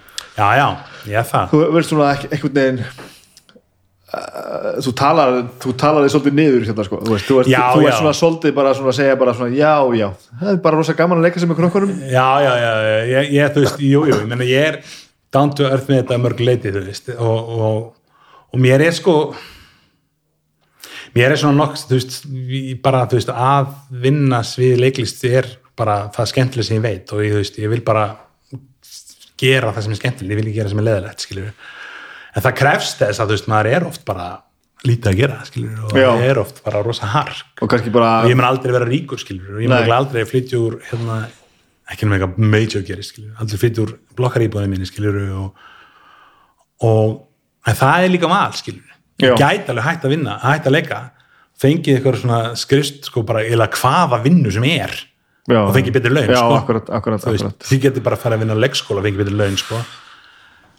þú veist, svona mánalega og stabíla og eitthvað svona en þú veist, ég hef ennþá og við ræðum þetta oft bæði í konum því við erum bæði í þessari stöð að vera í svona ó, ó, þú veist, ó, hérna mjög óstöður vinnu en við, bara höfum bara eitthvað seglum gagvart í og höfum bara hérna eigðum aldrei fyrir efni fram og erum bara þú veist, svona hefum skapað okkur þannig lífstíl að við getum bara gert þetta. Og þannig að ég, þú veist, maður verður að halda einmitt þetta, þú veist einmitt, maður verður að vera alltaf raunsar og dantu örð með þetta líka að samaskapi og þetta er náttúrulega líka svona draumadjóp, skilur já, já, ég skilji alveg, ég kveiki fullkóla þessu. Og ég hef bara gegnum þess að þú veist, gegnum þetta hef ég skilju bæði veist að fór, því ég fór í námið á sínum tíma þú veist og ég hef þú veist, ég hef tikkað í box sem ég held ég myndi aldrei tikki, skilur þú veist, í lífinu þegar ég var lítill strákur. Já, bara, þú veist, ég hérna uh, vera tilnýttur til grímuveluna já, já, já, ég ég hef hérna ég hef verið flogin út til London já, og gist á fimmstjörna hóteli og hitt James Bond, skilur Já. og Ron Burgundy. Og þau spjallaði með jafningagrundvilli Já. skilur já. Bara eitthvað sem ég ímyndaði mér ekki því ég fór á Anchorman í bíó skilur eða Goldeneye Nei, nákvæmlega, nákvæmlega, nákvæmlega. Ekki það, þú veist, ég, þú veist, það er nóg fyrir mig skilur Já, já, eitthvað svo, veist, það, það er bara fyrir mér bara, þú veist, bara uh, hérna þú veist, ég lifi á því alveg í, í taldin tíma, sko. Já, og hérna þannig að e, skilur, ég, ég er rosalega bara sáttur með þess að þetta ákvörðun og þetta, þetta, þetta þennan, þennan, hérna, þennan líf og þessi geti stundu verið alveg bölabast sko. já Þú ert, þú ert að tala um nákvæmlega sem tilfinningu og ég fekk þegar ég fór á fyrsta túrin með skálmöld einmitt, Þetta er bara, þú veist þetta er ekki ríkidæmi eða glamúr eða neitt, þetta er náttúrulega bara þetta er, þetta, er minnst af peningum í heiminum Já, já. skítur og drulla og hark Mhm. en það er einhvern veginn bara, herðu tjekk, Já, það er eitthvað bara ég er búin að gera þetta, þú veist, ég gera þetta bara sem ég dreymum frá ég var lítill sko. og þessi forréttenda tilfinningin er með þetta bara, heyrðu fokk hell, ég, bara, ég gerði þetta, það er já, geð það er bara geðið og bara vera, þú veist og ég er bara ótrúlega opið með það að mér fannst það bara, veist, þetta er stórkostlegt sko. og hérna já, ég veit ekki þetta er eh, besti heimi sko. við verðum að taka hérna ég er frá Húsauk, ég hef farið í Eurovision þú er farið úr já, þú er farið í Eurovision. Og ég þekki marga leikara sem voru í þessari mynd hana þannig að Já. þetta, stendur mér aðeins í næri við verðum aðeins að taka þetta. Bara, mér, I can be here all day. Þetta er bara að fá þér aðeins meira kaffi. Já, hvað hérna, fyrsta leik hvernig kemur þetta upp? Hvernig, hvernig hérna dettum maður inn í það að fá bara einhvern uh, einhver ringir og segir kondolegt í bíómyndum Já. með, með Vil Ferrell? Einmitt, það er ekki alveg sveimald en uh, vildi það verið þannig sveimald. góðan dag. Á Íslandi til er að- það þannig. Getur þú komið og leik Ertu til í að koma að leika í bíómyndum aðeins meira kaffi. Hérna já, það bara kemur upp þannig að þú veist, það, þeir eru bara einfallega að leita að ákveða að gera þessa mynd og hún á að gera þessa í Íslandi og þú veist, eh, það kom bara í fréttinar náttúrulega, þú veist, þegar það var að gera þessa mynd að, að já, hún á að gera þessa í Íslandi og þá náttúrulega bara fara að leita að íslensku leikurum og ég held ég sé bara svo heppin og ég, þú veist að, að það, er, það er alveg fullt af leikurum íslensku leikurum sem eru alltaf leika í útlensku bíómyndum. Þeir eru líka að það með agent í útlendum já, já, og ég held að eiginlega, allir íslenski leikarar sem voru með agent í útlendum eru í þessari mynd. Ok. Skilur við, þeir fóru bara þú veist, casting director sem fóru bara Icelandic, já, Icelandic actors og svo bara fara þeir agent þannig því þeir nenni ekkert að tala persónulega hvernig þetta leikara? En það er það hvergi þannig í heiminum. Hvergi þannig í heiminum. Já. en ég er svo, heppinn að ég skráður hjá held ég, já þeir eru tvö núna en uh, send, voru ekki þá var bara eitt eina íslenska actors agentinum sko. Ok, þannig að þeir eru skrifað Icelandic Agency þá bara poppar upp fyrsta síðan Já. er Creative Artists Iceland sem er síðan sem bara einn uh, góðum maður hér í bæ er, er með og sem er stopnað fyrir nokkuð árum og þann og þeir hann fær bara bóð um að, um að fullt af fólki fari veist, um, um, um, bara að fá pröfur bara videopröfur og það er bara standard casting process sem fer svo í gang, þú veist, eins og í casting process í dag er rosa mikið þannig að fólk er bara að, þú veist, þannig fyrir að fara að mæta eitthvað í audition að tekur upp svona self-tape bara tekur upp á símaðinn þú veist, fyrir að leika senu á móti einhverjum og hann er bara sendt inn og þeir skoða það. Farið bara einhvern handriðsbút já, er bara senuna eða skilur og ég fyrir það og, og teku upp og svo fæ ég svona smá callback þar sem ég er látin lesa fyrir annar, hluturki en las upprunnulega ég held að allir hafi lesið samluturki upprunnulega mm -hmm. skilur þetta er bara einn eindugupróf Já. og þú veist, og svo það gekk vel og þá fór ég í video audition eða Skype audition með leikstjörnum. Og bara það bara gekk rosa vel og það bara hann sagði mér að fara þú veist, prófa eitthvað hluti með karakterinn basically vera úrslega reyður og ég er, ég á auðvilt með að vera svona ég held að svona, ef það er einhver kostum leikari ég á auðvilt með að veist, tala hátt og mikið og vera svona stóri í tilfinningu Já. og hann bara var með held ég og ég fekk hlutverkið. Og, og það var þá alltaf þetta hlutverk sem að já, ég prófaði fyrir þetta hlutverk, við vorum held ég tveir í lokin sem að fórum í Skype-vittal fyrir þetta hlutverk. Já, Íslendingar. Já og það er bara, þú veist síðan er bara já, eins, og þetta þarna Mhm. er, færðu eitthvað borga fyrir þennan part af, af vinnu? nei, það er ekki borgað fyrir audition Það er rosaleg staðreitt sko. Þarna er þetta mæti vinnuna og undirbúningur og alls konar brjálega Já, og bara, Já, en það verður maður svona stundum að ég, nú er maður stundum að gera einhverja pröfur bæði hérna, það er líka að fara að prófa meira á Íslandi sko, mm -hmm. maður har minna fyrir nokkar bárum og þú veist, maður þarf alltaf að meta svona, þú veist að því ég get mist mig í einhver í undirbúning, skilur við, maður þarf að meta hversu mikinn undirbúning já, þú ert að gera fyrir djúpt penning að þú veist, basically hver er tilfinningin í henni, þú veist, hvað er eitthvað svona skipt breyk í henni skiluru, læra textan vel og daldið kýla á þetta. Og ég held að það sé líka ekkit búist við mikið meira þú veist, af castingendi sinum. Kannski að þú veist, koma með eitthvað skemmtilega tilbúið eða eitthvað. Mhm. -hmm. já, en þetta er slatta vinna sem að fer, þú veist, ég er, ég er svona að gera öðru hverju í gegnum eitindin svona eh, einhver self-tape sko, það er alveg slatta vinnu sko, sem að borga sig Yfirleitt ekki yfirleitt ekki sko. en þú veist, já, borgaði það sig og, hérna, og ég fengi allan að að ég fór í pröfundaginn fyrir innlent verkefni og sem að ég sendi reyndarinn teipa því ég gáttum ekki mæst og það uh, ég get ekki, má held ekki mikið talað en ég fekk það ekki um svona Já, og þú veist, þannig að það er hérna ég er alltaf meira og meira en þetta er heilmikil vinna sem fyrir þetta, já mm. og hvernig var þetta? Var, var þetta, eh, hefur tekið þátt í svona verkefni áður? Eh, sko ekki þessari gráði, ég var endar ég var búinn að checka it svona bóks fyrir mér sko, Ok. sem var, ég var leki í hérna þáttu sem hétu Documentary Now sem voru teknir með Íslandi fyrir nokkrum árum sem eru þættir eftir grínista Bill Hader, Fred Armisen Já. og Seth Meyers og þar fekk ég að leika móti Fred Armisen sem ég hafði mikla, bara mikla vinningu fyrir Já, og, og Saturday Night Live Já, og hérna það er alveg eina svona, það var bara hérna á Íslandi sko og hérna má, má bara ekki Nei, nei, þetta var fyrir nokkrum árum þetta er, sérðu, þetta er held ég á Netflix allana, mjög feitni þættir, svona mockumentary þættir. Uh, þar leik ég svona ágætislutverk og, og fekk leika á móti Fred.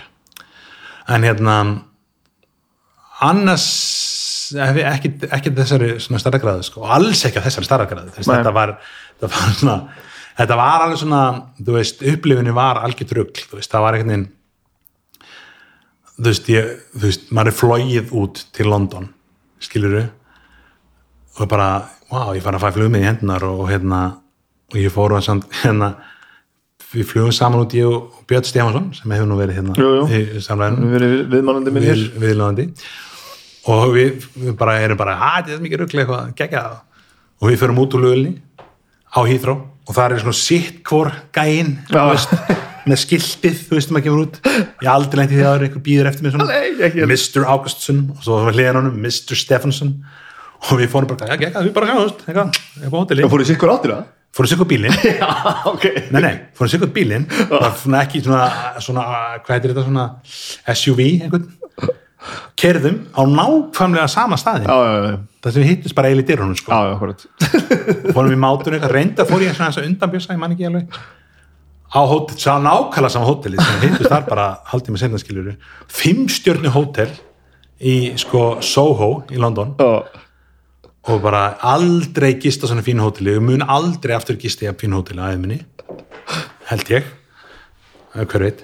Uh, hérna, og, og það var allt svona, veist, alltaf bara enga bílstjórar út um allt og svo fór maður á sett og þá maður kerður þangað þú veist, í trailerinn sinn og eitthvað, þú veist, maður fær trailer og býður þar og þetta var allt svona, það var svona risa production, þú veist, það var svona basecamp og svo var kert aðan sín á set og þar var, þú veist, það var annar trailer, þú veist Já, á já, set trailer þegar þú veist, herbyggið, þú veist, eitthvað ná og þú veist svo maður, þú veist, það er farin í cast area og þar sest niður í stól og bara, ok, ég er að býða svo mætir Pírs Brosnan og sest við hliðin á manni og, og, og Bjössi kynir okkur og eitthvað svona, svo kemur Vil Ferrell og, og þetta er bara svona absúrt er, og þú veist, maður er bara svona ég er bara úr breiðoltinu, sko. Ég er bara að selja fyrir 40, sko en þetta er hæri ég er ekkert að, ég á ekki að vera enn skilur Já, og hérna þannig að þetta er allt svona þetta er svona og svo bara var ógeðslega gaman þú veist, ég bara einhvern veginn ég fekk einhvern áður og þetta ég veit ekki hvað var, það var alls ekki meðvita en ég fekk bara eitthvað svona fótbargetin í hlutverkið og fór bara eitthvað svona að prófa hluti þú veist, eitthvað og setti og, og við áttum áhörður áttu að öskra svona á sviði þannig að play, já, já, ding dong. Og ég bara einhvern veginn öskra eins hátt og ég gat. Og þá kom leiksturinn fram bara, já, herru, hver öskraði bara, það þú, bara, já, það var ég, þú, ok, gaman að segja þig, ég var ekki bara að hitta hann eins og ný Já. við bara á Skype-fundi hérna. Og þá var það bara að tekið sér og síðan og við bara einhvern veginn þróum og ég bara leiði með þetta að prófa fullt af hluti með hennar karakter og stækkaði hann aldrei einhvern veginn við það. Og það gekk bara svo vel að við enduðum sko að ég að sko hann bætti mér inn í senu sem var ekkert í handriti þar sem ég kem út af barnum og öskra vil ferl og við tókum bara spuna sesjón skilur 10-15 Höfnunum Húsavík? tökur á höfnunum húsæk ég og bara heimsmeistarinn í improv. Skilur Var þetta ekki, ekki í handið? ekki í handriti þannig að við erum bara, tókum bara langar sessjónir, sko, við vorum bara eitthvað fórum út um víða völl í einhverju vitleysu.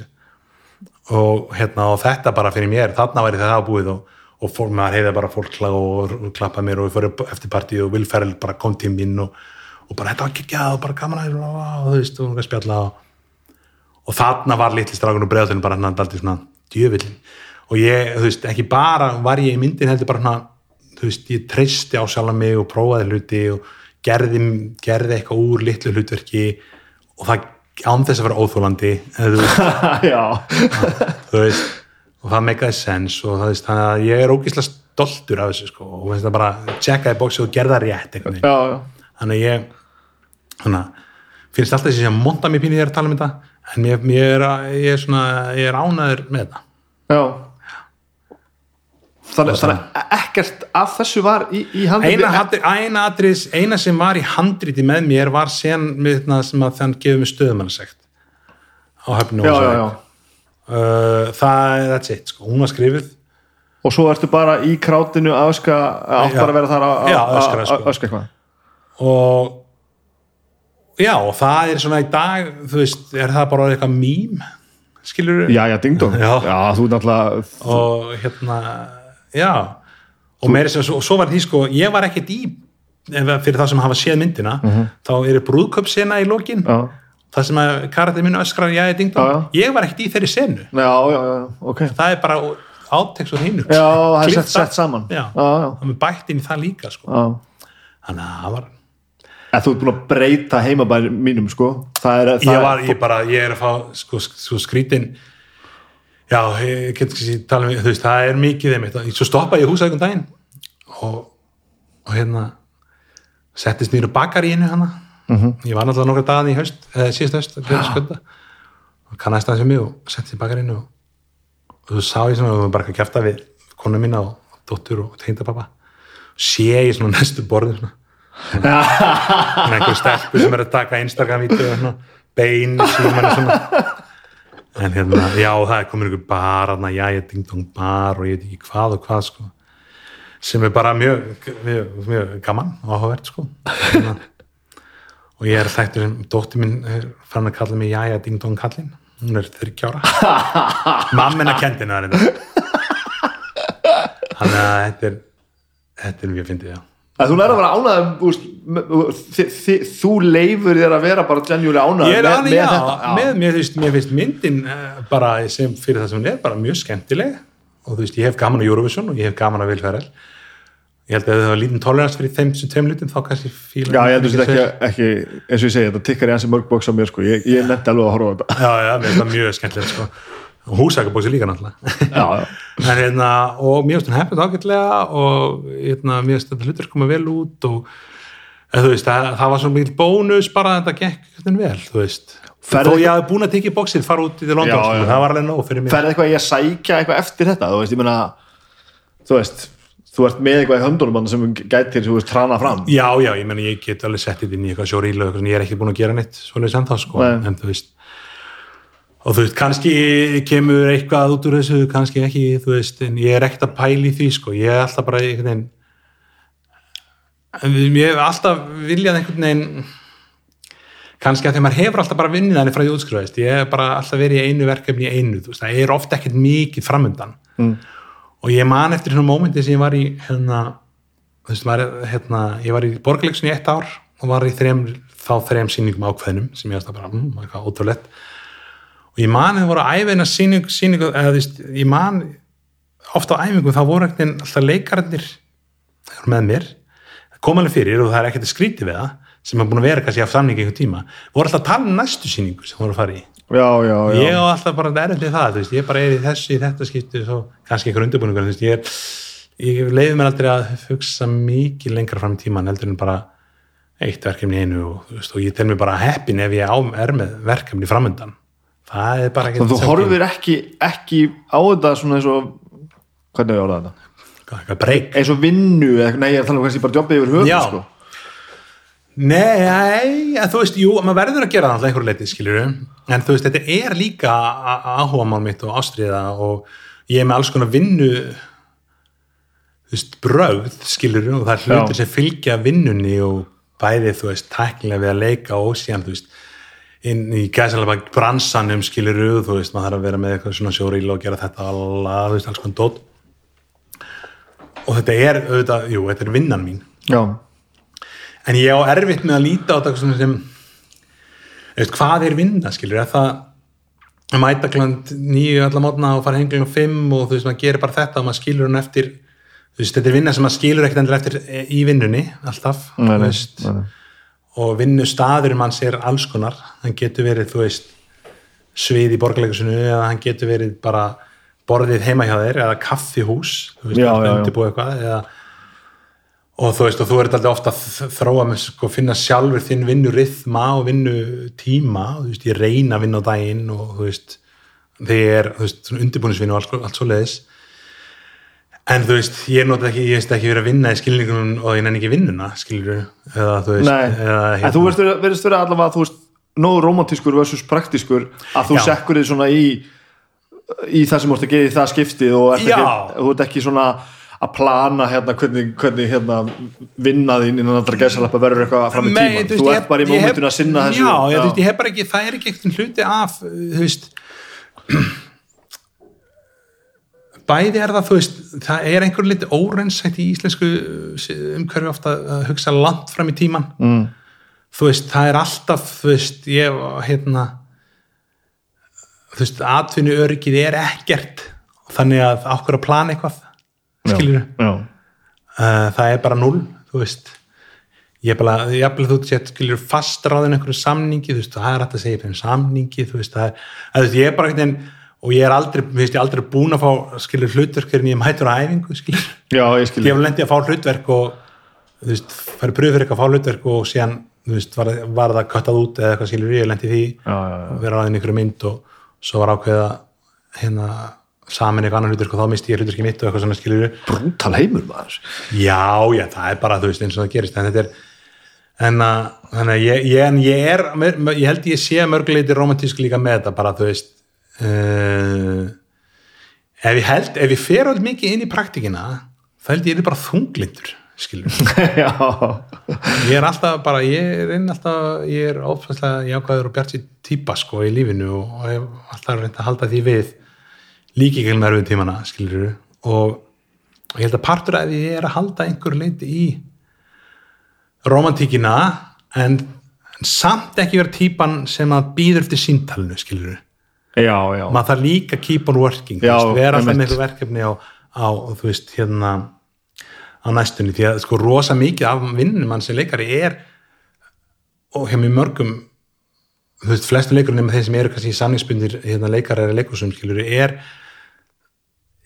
kemur fram hann sjálfum. Eða, þú veist, maður, maður er alltaf að reyna að sækja um einhverja peninga hér eða gera hér eða, veist, og svo þá maður að minna á sig kannski í, með, í talsendingu eða þú veist, einhver staðar skilur maður stendur sendum upp posta á einhverja eitthvað fólk, þú veist, hérna þú veist, ég, ég er laus. Maður er að smá confidence með sér með það skilur ef vantar mann, mann leikar af mínu típu eða eitthvað, þú veist.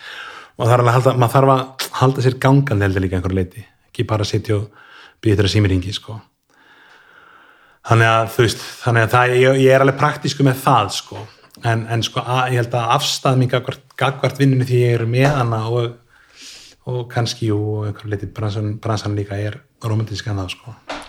Mér finnst mjög inspirerandi að segja á þetta með að þú veist að vera bara búin að ákveða það að þetta er svona, lífið er svona og þú færið ekki, þú veist, ef þú ætlar að vinna þessa vinnu þá er, þá er ekkit allir heimsins peningar í búiði Nei, og í staðan fyrir að vera að kvarti við því þá bara að taka því þá bara eins og er. Ég menna það bara færið þér aðra vinnu að þú veist, ég veit ekki, því ég þekki alveg fyrir leikara sem að hafa, þú veist, gefist upp eða, eða, eða hafa bara farið að vinna eitthvað annað daginn og sýnt ykkur á kvöldin þú veist, og bara því aðstæður voru þannig, þú veist.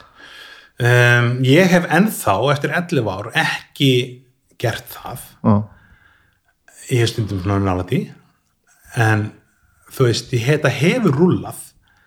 En svo kannski einhvern veginn neyðist ég til þess en ég hef ekki neyðst til þess ennþá Nei. að sinna ykkur öðru jobbi.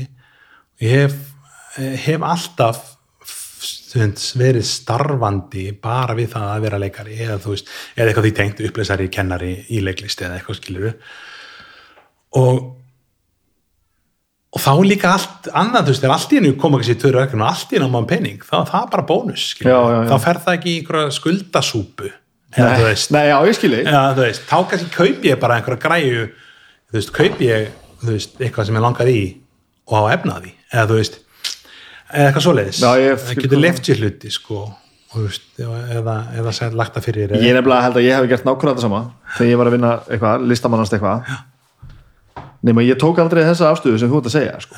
Þannig ég var alltaf pínu óraði með hvað þetta var mikið hark og hvað ég, mér fannst ég ætti að vera að fá meira og eitthvað þangatilega á endanum ég tók náttúrulega já hálfpartin tók ákvörðun og hálfpartin var að tekið fyrir mig að, að ég fór bara að vinna frá 95 já, já. Þú veist, ég fór bara út úr þessu, ég fór svo sem ekkert veist, ég fór ekkert að gera eitthvað sem er mér nei, fjarlægt. nei, nei, Ég- sem betur fyrir fann ég frábæra vinnu og frábæra vinnustaf við hluti sem að standa mér ekkert alveg nei. en þá komst ég alltaf bara að því bara, og ég kannski líka bara átt á mig núna þegar alveg þig að bara, auðvitað ákvað ég þetta aldrei. Ég ákvað aldrei að gera þetta á réttum fórsendum ég var alltaf einhvern veginn að, að rembast við að vera að gera eitthvað sem að sem ég var ekkert að gera. Nei, nei, nei, þú veist, þú eru bara að taka fokking hlutunum eins og þau koma, fjandinn hafið það sko. Já, já. Þetta er góð- þetta góða punktur Já, ég held þetta líka verið, þú veist, þetta er bæði, þú veist, ég hef alltaf bara haft svona þannig afstöð til lífsins, ég held að líka bara í átta mig á því bara í, þú veist, samtölu við annað fólk sem hefur verið í bransanum og eitthvað alveg, þetta er bara, þú veist, þetta er, er hark, skilur við. Já, Það er það bara ákvörðun, það er bara ein ákvörðun að vera í harkunni eða vera ekki þetta er rosaleg mótsöksapp sko, að það er svo mikið romantík í kringum þetta og þú veist, þú ert búin að leika í fucking Hollywood bíómyndum og eitthvað já. svoleiðis og, og þú veist, og Ég er aðdæmisbóndum, sko. já, og, raunveruleikinni sá að þú bara, þú veist þetta er svo skrítið sko. Já, eins og, er- eins og einhver sem að þegar ég og Agnes vorum til tónu nýbyrju saman og einhver vin, vinur hennar eða eitthvað spurði hérna á hann ekki geð mikið af pening? Og hún bara, ha? Hann nei, nei, nei, nei, nei. Nei, nei, nei, nei. Þið, bara, því fleiri bönd því minni peningur, það það er alveg þannig, þannig, þetta er ekki það, peningarnir koma ekki þarna sko. Nei, nei, nei, nei. Þetta er aldrei það. sko.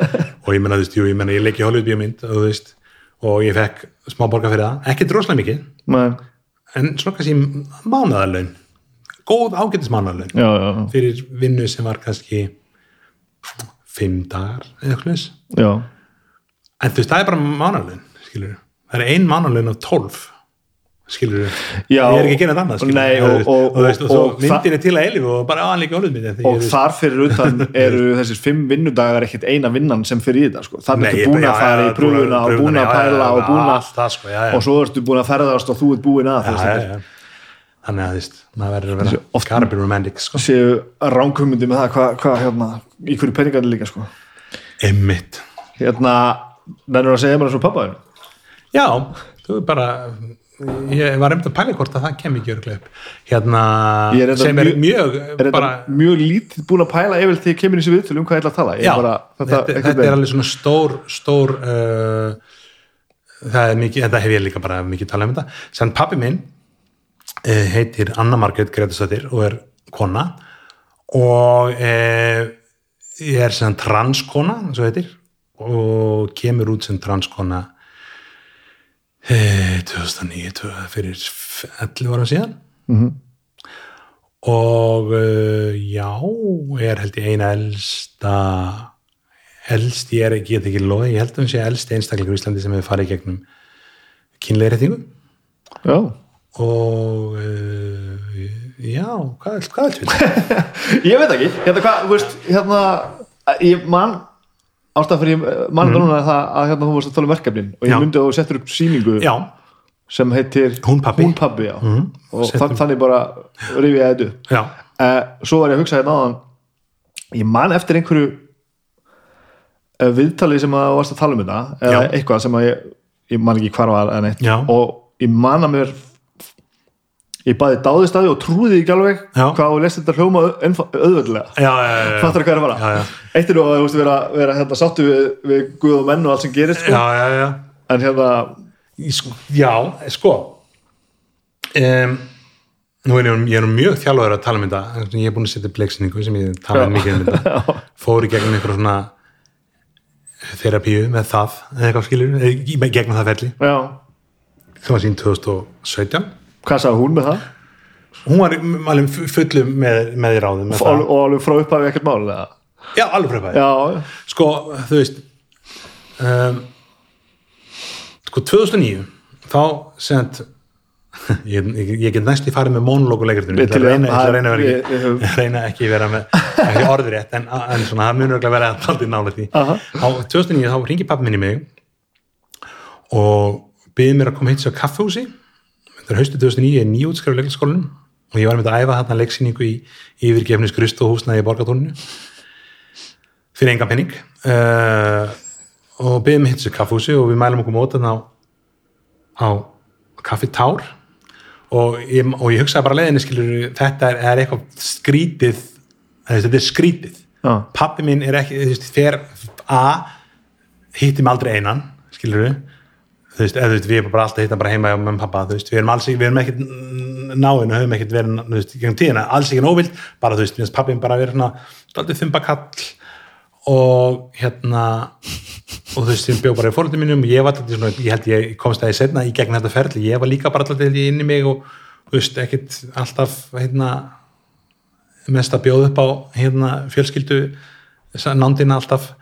En hérna um, og pappi minn sem það þannig að þú veist, og pappi minn að fara að kaffihús og hitta mig, þetta er bara eitthvað bygg í gangi skilur og þú veist, bara þetta er krabbamein eða arfur eða þú veist, já, eitthvað já, svona- á þessu slóðum Já, eitthvað. en svo bara, en ég hugsaði á leiðinni kannski er þetta eitthvað tengt einhverju kyn dóti, því ég hafði í gegnum tíðina bara gegnum árin að búið í fóröldum minn, þá hafði ég stundum gegnum að vera bara eitthvað snooping kid þú veist, örgulega að leita klingi eða eitthvað skiluru, opna einhverja skúfu heima og fundið eitthvað, þú veist. Ég fann veginn sokkabuxur í skrústina hans og einhver svona skrítin blöð og eitthvað svona. Hmm, þannig að, og hafði einhvern veginn daldið svona, og hefði alltaf bara eitthvað svona, þú veist, sópað þessi burt. Og ég hafði meira að segja og þetta er fárald að segja þetta í dag og ég veit, og það er ástæð fyrir hverju vissi þetta þá ég hafði einu sinni svona rekist á pappa um miðan nótt í svona silhouettu formi heima með mér á knýpleginu en ég var að fara á klósettið eða eitthvað koma niður stígan í svona rökkri greinilega með einhverja hárkullu og einhverjum kjól já, og bara, og hann svona eða hún, ég rugglast ofta hann og hún það, það var líka hann í leikutinu og ég, ég tel mig hafa rétt að því að ég er aðstandi þetta er, aðstandi að segja kannski, sorry hérna, má ekki segja það. Ég hef huglað með þetta um að ég er að segja villust en hérna og hún svona bara snýr sig við ó, bara, og það kemur eitthvað fárlegt samtal bara, já, ég, nei, ég bara klusti, já, ok góðan, hótt og það Sjálfstæði. ekki að feysa neitt ekkert feysað, Nei, sko, aldrei nei. það var líka bara svona, þú veist, ekkert eitthvað mikið verið að tala um endilega. og pappi alltaf verið svona þumbi bara ekki, ekki mikið tjá sig um hlutina og, og svona og svo þannig, 2000, þannig að ég mig gruna þetta. Og ég fer á kaffehúsið, hitti pappa og það er pappi komið kaffi, ótrúlega stressuð. Og bara rumpar sér hvernig út úr sér að hún sé trans og, og hérna og er svona að fara, þú veist, hefur vitað allan tíma og er að fara að gera eitthvað í þessum málumundi og veit ekki alveg hvað muni gerast og eitthvað svona. Og þetta er svona tveggja mína samtal eða eðist í minningunni er þetta bara örstutt og hún segir eitthvað svona, þú, þið grunar þetta og ég svona, já, mjögulega grunar þetta og hún segir eitthvað svona, já, þú kannski að ég segi þetta fyrst, þú er kannski skilning á þess að að þú veist, þú er nærlista maður og svona og þekkir alveg fólk veit alveg ég á okkur samkynnaði vinni, skilur eða eitthvað, þú veist, og er open-minded típa. Og þannig að hvað hún sagði þér það fyrst? Já, sagði mér sko undan systeminni en hún búin að segja, þú veist, mamma og pappi hefði verið í, í þerapíu með þetta,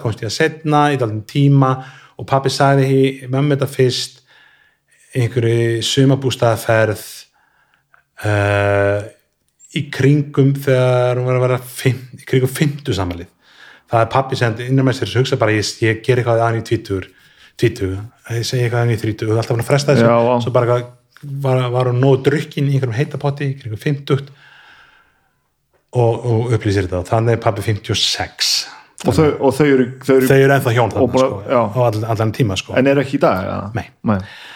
Uh, og upp úr þessu náttúrulega bara þegar pappi ákveður stíga skrifið til fullnustu þá Mhm. náttúrulega er þeirra hjónaband minni bara, hjónaband er lokið. Já, ok. En það er þetta ekki, það er aldrei einhverju miklum, einhverju, þú veist þeir eru bara búin að vinna í gegnum þetta og pappi tekur sér tíma, býra eins heima þó þessi skilinn og flyttur út og þú veist, einhverju halvara setna ára setna ekki alveg og hefur sitt kynlega verið eitthvað ferli svona formlega þá já þannig að ég bara þú veist, fæ hérna þessar fréttir og, kannski er einhver staðar inn í mér sem ég vissi þetta og þannig kannski var ég þá fljótari áttum á þessu.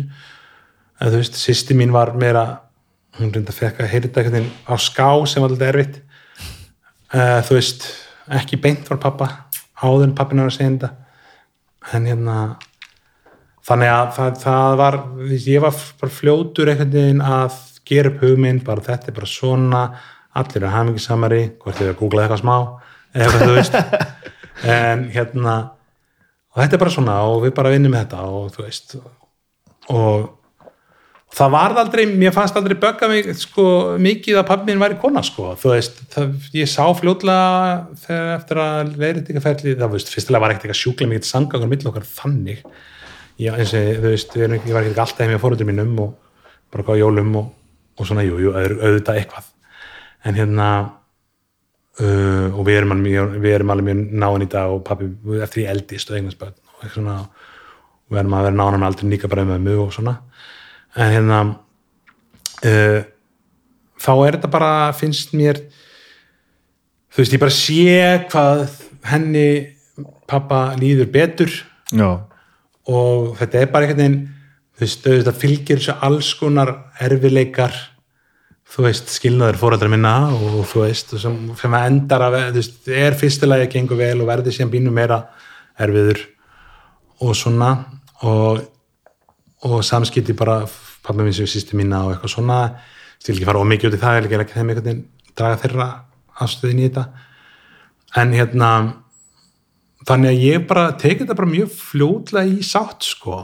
Og pappi bara heldur sinni í ferli og ég stutt hann eins og ég geti gegnum það og hún er búin að lifa svona þessu lífi í núna 11 eða 10 ára cirka Já. og línu sínu eðlilega lífi og þessu eðlilega líka maður þannig að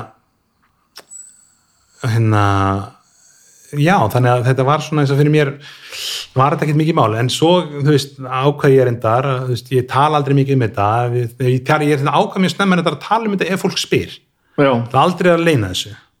Ég ákvaði bara mjög snemma eiginlega bara hann að sama dag, því að fólk var að spyrja þetta eitthvað. Eða veist hvað það hefur verið í gangi þessu fundi eða eitthvað og ég bara segi vinni mínum frá þessu og, og síðan hérna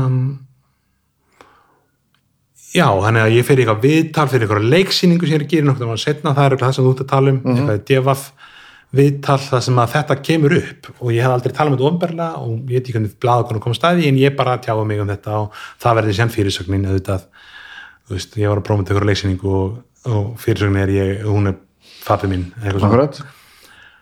En síðan 2015 lög á mörg mann setna þá hefur skólisýtti mín sambandið mín sem heit Kara Hergils sem ég þekkti sára lítið. Og þetta var dansbyrjunum fyrsta þegar ég var að fjórðari bara eitthvað smá þekkti hana. Og hún myndi endilega svona að tala við mig maður að gera einhverja leiksýning, gera einhverja sýningu og ég, ok, ég til hvað sem er og hún er satt mjög skrítin, ég hitt hann einhvern partí ekkert, við tala um þetta núna og hún bara, nei, ég lítið alveg setna og og svo bara rétt fyrir umsók þá ringir hún í mig, þá er ég í færi með mitt og að Skype-vitali og, og ringir í mig og spyr mig, hún vill gera sýningu um þetta um pappa minn, veist, okkar þú veist, mitt samband ég sem leikar að tala bara um, að ég sem manneski að tala um bara samband pappa minn sem mig og með einhverja hugmyndir, einhverja sýningu og ég bara segi já strax við hafði blundað í mér held ég að gera eitthvað með þetta Já. einhvern tíman og, viss, og varstu þá nokkuð, nokkuð viss um það að, að pappi þinn að hún myndi alveg bara Já, vera með. eiginlega sko, pappi hefur, hefur, hefur hún kom alveg fram í, sko fljótlega eftir þetta viðtalum í BFF þá var haft samband við hana einhverju blaði eða eitthvað staðar og hún fór í sjálfstætt fólk held ég já, já, já, já. og þannig að hún er að, hún, hún, henni finnst bara, hún hefur alltaf mjög opinn, sérstaklega kom út með þetta og er svo opinn að tjá sig um, um þetta málefni og, og hún segi, við sagt það sjálf sko, hún var örugglega mest í seffræðingur í Íslands í transmálum því hún var búin að vita þetta sem hún var 13 ára Já. og hafði verið að safna sér gögnum og bókum Já, sem hún var í allt í einhverju tösku bara hún í kjallara falið, eitthvað starf bakvið og, og hérna hérna, þannig að og þú veist, og fyrir henni alltaf bara svo mikið léttir og endurfæðing skilur að gangi í gegnum þetta ferli og, og þú veist, að, að, að láta ekki aðra þurfa að upplifa þú veist, þá þessar tilfinningar skilur þó hún að láta hamingsett líf með mömmu minni og fjölskyldulíf og allt það, það, veist, það var alltaf eitthvað að eða eitthvað svona Eitthvað já. og þannig að pappi hefur alltaf verið mjög opinn að tala um þetta og hún, ég hringdi bara pappa og það var ekkert mál og hún gerum þessu umsókn og fengum styrkin og svo bara þróast þetta þannig sko og endum við að gera mjög skemmtilega sýningu sem ég er stoltur af, sem mm. hún pappi það sem við tölum bara tókum þetta aldrei pólinn í hæðina að þú veist, jú pappi minn er kona en hann er líka bara pappi, hún er líka bara pappi minn skilur og fjalla alveg um það bara samband sons og föðurs sem, sem að er by the way kona einhvern veginn. Og, en, og í gegnum það ferli fórum við í gegnum þessum martani og rættum bara alla hliðar á þessum málum. Þannig að ég fór held ég í gegnum ákveðna þerapíu þá. Þú veist með að við bara held ég tala um allar aspekts af þessu og frættist líka bara mikið um þetta. Talaði við pappa mér fyrsta sinn um hluti sem við höfum aldrei talað um áður burt sér frá þessu í sjálfur sér. Já, burt sér bara bæði með þessu og frá þú veist sína, já, burt sér frá þessu og líka tengt þessu. Bæ, og þú veist, þetta er svona reyndar í svona styrðum aðstæðum kannski af, af þú veist, hérna höfundum sýningarnar einhver leiti já, já, en pappi sann var ekkert mikið involved eitthvað meira það bara svona við til upphafi og svo gerðum við þetta bara svona í okkar tómi og ég bara svona var að segja frá minni persónlu upplifun og ekkert vera að le- leika hana eða leggja öðrum eitthvað hérna, orðið í munn og já, ég er bara ofsvöla stoltur af þessari sýningu og, og hérna og við síndum hana í út um all land og í færium og já, langar að sína meira að einhvern langar að sjá hana þá bara endilega láta mig vita. Uh, ég get sínt hann, ég sínt hann í kjallara í breiðaltunni eins og í á hún í pass stú, stúdíunas Valgi Sigurssonar já, hún, passar rauninni svolítið bara já, hún er bara einleikur með mér sko. Það, jú, jú, ég þarf að þarft eða pín- skjávarpa já, þú þarf pínu plásir ekki? Já, já. Smá gólblas, ekkert mikið. Þú gert þetta þegar eftir bara. Gæti- ég gæti gert það hérna sko. Þú veit að færa sófa kannski? Já, ég er að fara að skipta um sofa mm. Já, þannig að í dag eru ég og pappi mín bara í, í um, góðu sambandi. Svona þú veist, svo, þú veist það, það, það varð aldrei neitt eitthvað svona halleluja moment, eitthvað þú veist allt í nöðu við, eitthvað bestu vinkonur, eitthvað þú veist hannig, eða vinnir eða, eða hérna en þú veist, þú kemur að heimsókn og fæsir kaffi með barnabandinu og, og hérna og það er eitthvað vantar að tölum við saman og, og þú veist, þetta breyt veist, það, það var líka svona alveg pointin með sýningunni á endanum var, þú veist, að normalisera þetta. Já, þú veist, pappi minn er kona saman bara pappi minn, skilur Já, saman manniska, ég var ekki 40 ár með öllu sínum kostum og göllum, skilur veist, við erum algjörlega öndfyrir með í stjórnmálaskoðunum með eitthvað svoleiðis og þú veist, það fylgta hluti sem við erum ósamalum en við höndum samt bæðið með Manchester United og já, já, já, já. pappi Einmitt, fór bara í. Manchester United ferð og horfa á leik sem kona með öllu sem félagin hann farið áður hann, bara, hann heldur alltaf já, skilur- já, já. hann, hann hættir ekkert að, að halda með Manchester United og, og hérna og fara að pæla miklu meira í þú veist, ég ekki girly things, Já, naglalagum eða eitthvað skilur bara sama manniskan já, þannig að veist, það var svona, svona pointið, þetta er bara hún bara leiðir eftir kynsitt og er samt bara sama manneski með sínum kostum og köllum sko. þetta er mjög, er mjög heillandi að tala um þetta þegar að þú veist að þið, þú veist, svo maður kannski ekki að dæma hvað er rétt og ránt þið verið svona að hafa gert þetta svona á réttan hátt. Já, já, Þetta var fre, frekar gert, þú veist, með opnum huga heldur en hitt, sko. Já, já, en þá fyrir maður að velta fyrir sér, sko veist ég veit ekki hvort það er að spyrja svona beint út en uh, ég það, jú, ég ætla, ég ætla að spyrja sko, það. en ég veit ekki hvort þú getur svarað þessu Já. að hérna, þegar þetta er allt svona eins kannski, maður getur ímyndið sér eins einfalt og hægt er þetta, maður veitum mörg dæmi sem að ekki gengi svona vel nei, nei, nei, nei. Hver- hversu ofalega er þetta þá á baugi í dælu lífi þegar þið hittist bara ekki eða voðalega lítið Já. á bauði sko já, þú veist uh, það er bara ég held að maður upplifir þetta svo veist, að því maður hefur ekki, maður hefur ekki staðið nálátt svona málum sjálfur. Mm, að ósæðat fer maður að hugsa bara þetta hlýtur að taka yfir allt. Þetta er svo mikið svona nei, Já. ég gerði það ekki sko. Ekki á mér. Eða, þú veist, ég, þetta er bara eins og segið, þetta er bara pappi minn. Ég er búin að þekka pappi miklu lengar sem þú veist, þú veist, ég er búin að þekka pappa minn í 40 ár skilur við og þú veist, hann er búin að kona í 10 af þeim. Já, já, eða þú veist, hann er alltaf verið kona en hann er búin að lifa lífið sinni sem kona í tíu af þeim. Þú veist, það, þetta umturnar ekkert eitthvað öll okkar samskipta minnstri eða eitthvað svoleiðis, nei. Þú veist, eina sem er skrítið hann er pappi minn, eða hún er pappi minn og, og amma dóttur minnar við, já, það er þannig sem sagt. Já, já, þú veist en, en við höfum rætt þetta líka það er, hún er ekki mamma mín við, það er ekkert hlutverk það er, ekki- er ókynbundið einhverju leiti skilur við, eða já, þú veist, það er bara glást á eitthvað sem við tókum tókum svona afstöðu með en, en hérna við erum bara veist, það er, það er ekkert að ræða þetta eitthvað mikið meira þarf skilur en, en þú veist uh, en það hefur þetta ekki eitthvað brjálæðslega áhrif á einhvern veginn dagleg samskipti þannig sko. Ég veit ekki, þetta er ótrúlega normalt allt. Við erum kannski aðeins svona léttar á mill okkar í tíðina, þú veist. Líka, þú veist, hefur umgengist pappa meira einn heldur ég gerði það áður af því að pappi, mamma skildu skilur já, það var alltaf mamma, já, pappi, bara, pappi bara, mamma þú bara veist, við, við gerðum ekkert eitthvað mikið ég og pappi saman, veist, pappi skuttlaði mér út um allt jú. en þú veist það það er ekkert eitthvað meira, mikið meira það sko. Þannig að uh, og mér finnst pappi minn líði bara betur og er svona opnur að tala kannski meira og, og, og, og, hérna. En þú veist annars er, er mér finnst þetta þetta er meira normalt kannski en ég held líka þú veist upprunlega en þú veist, svo bara líður tím, líður tímin og fólk bara fer í sín vennilega samskipti veginn, ég er ekki, ég já. veit ekki hvað það svara einhverju en Jó, eiginlega bara öllu. Þetta er eiginlega þú veist, þess- sem maður hefur að fara á tilfinninguna þetta er, svolítið, já, það er svolítið skyttið að sjá þetta utanfrá að þetta virkar svo rosalega viðþyrmandi já, já, En svo þú er það, ég meina, ég hef upplifað alveg margt erfið kringum þetta, þú veist, bara líka þegar vorum að grafa upp, þú veist, að upp, þú heyra pappa segja hvaðin í leiðrun eru illa. Já, öll þessi ár sem við vorum bara happy family ég held að venjuleg fjölskylda þú veist að heyra pappa sinn þú veist viðkenna að uh, hún hafi upplifað sjálfsvíðshúsanir er erfitt skilur já, já. en þú veist hann er alls konar svona og skilnaður fóreldrar minna og þeirra samskipti er, þú veist, það er alls konar erfið hlutir en þú veist það, það er samt einhvern veginn tíminn líður og þetta verður bara einhvern veginn þetta er svona. Og það er ekkert eitthvað, þú veist það, þú veist, af hverju breyti einhverju sem ég er, þú veist, ég veit ekki. Ég hef aldrei getað að lifa mikið í þú veist, ég hef alltaf verið alltaf aðrilaus með hluti, ef hlutin er einhvern veginn, þú veist, það er, ég geti mitt að breyta þeim skilur, eða stjórnast í hlutum eða hérna, ég bara allir líði vel og ég veit ekki.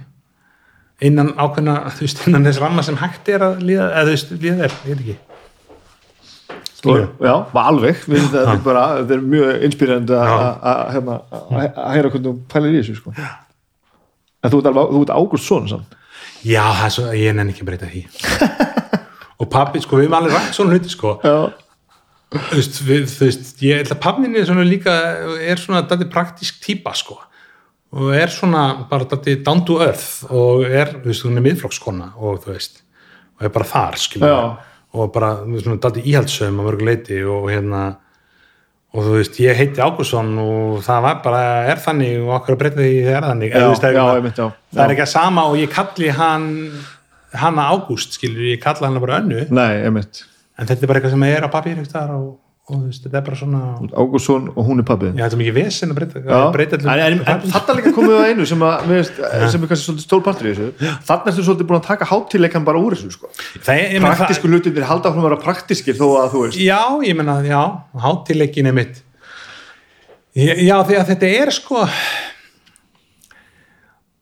þú veist þetta er bara það, þú veist, þetta er bara hverstasleikin, þetta er bara pappi minn skilur og þú veist pappminni lífbýra ég er bara úkslega venjulegri vinnu og uh, lífur úkslega venjulegu lífi og þú veist. Já, horfir á sömu sjónvastæðin á ég og heldur með sama fótballtilega ég og, og hérna og þú veist, það er ekkert eitthvað líf hans er ekkert eitthvað hennar er ekkert eitthvað hátílegt eða, eða veist, það er jú, hann kannski aðeins öðru þessi vinkonur, eh, nýjar vinkonur sem hann átti ekki áður eða eitthvað, þú veist, ég veit ekki. Þetta er bara, er bara normal.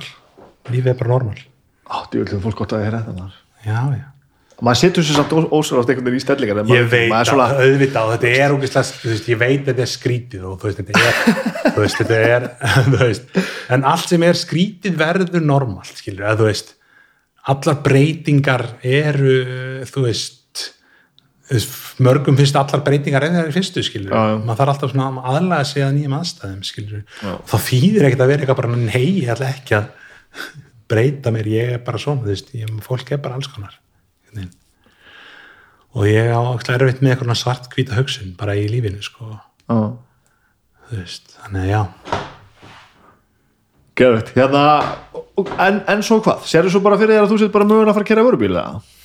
ég er ekki komið meira prófið en það sko. En þú gætir alveg, Nei. þú, þú sérð alveg að það gæti verið Nei, ég veit ekki, nei, ég segi þú veist Ég- ég er ekki- ekki að þig til að vera vörubílstjóri, Vörubílstjóri, sko, ég, þú veist, ég maður að keira bara, hlusta útvarpið og þægilegt sko.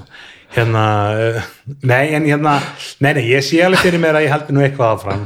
Ég er aftur búin að fá smá svona búst í, í rassin hérna með þú veist, maður bara stundum gengur vel og stundum ekki og, og hérna ég sé ekki fyrir mér að í nánustu framtíð að ég sé að fara að kera vörubíl, nei Nei, en þú gætir gert það á ég við sko. Kerð vörubíl? Já, ég átt að ég, Sko, ég var nú að stæði, ég geti gert vörubíl, það getur skemmtilegt, gætalinn í garðirkju kannski, ég var að pæla hlutu hvað get ég gert sem er ekki svona hugvistatengt, sko, vorum að velta þessu fyrir daginn. Um, ekkert mikið meira, sko, geti kannski verið, kannski næturvörður, að einhverju staði sem þurfti ekki að gera mikið, geti lesa bók bara eitthvað svona. Nei, nei, svo er alls konar, þú veist. En ég er náttúrulega, þú veist, ég er náttúrulega íkið, skiljur, ég get alveg sé fyrir mér að, að þú veist, uh, þú veist, ég sé ekki mikið fyrir mér utan skapandi Nei, greina, en skiljur. þú hlýtur að samt að sjá fyrir þér þá staðrind að þú veist eins og það sem þú gerir núna í þessari mynd stækkar náttúrulega nafnið og Já, já, möguleikar alveg á það absolutt, þú, pottþétt, þú, sko. þú ert ekki alveg þeim, á þeim stað að bara allaf koma bara heim aftur og, og Nei, Nei. nei, það er bara, það er ekki þannig, sko. Ég, en hérna, þú veist, kannski, þú veist, og það er alveg svona smá búið að gerast, já, og þannig ekki tala mikið um það að þú veist, er koma einhverju fleiri möguleikar, skilur það er ekkert búið að gera eitthvað, það er ekkert búið að breyta, það er límit er ekkert búið að breytast skilur nei. þannig út af þessu en, en ég get ekki, þú veist og það er bara geggjaði að það er, skilur en kannski gerist það ekki, get ekki neitt. Já, það er líka ekki að þegar vera, þú veist þú varst við einhverju sem ég eða, veist, veit ekki hvað er, ég get ekki séð fyrir framtíðina skilur, Nei, nei. ég get bara gert mitt jobb í hvert skipti vel, tekið þeim tækifærum sem bjóðast skilur og gert þau vel. Og vonandi, bjóð, vonandi bjóðast góð tækifæri, vonandi opnast eitthvað, vonandi gerist eitthvað auðvitað. En þú veist en ég, ég er samt ennþá bara að fara þú veist, sinna mínu daglega lífi fanga til eitthvað gerist eitthvað, þú veist ég, ég veit ekki, þetta, ég á svo erfitt með einhvern veginn að- fara að byggja einhverja skíhallir sko. Það er bara eitt verkefni innu og en þér finnst alveg gaman að vakna mótnana og þú, fær, og þú færið bara kaffibótla og það bara kemur inn á sér langt Já, ég, Já.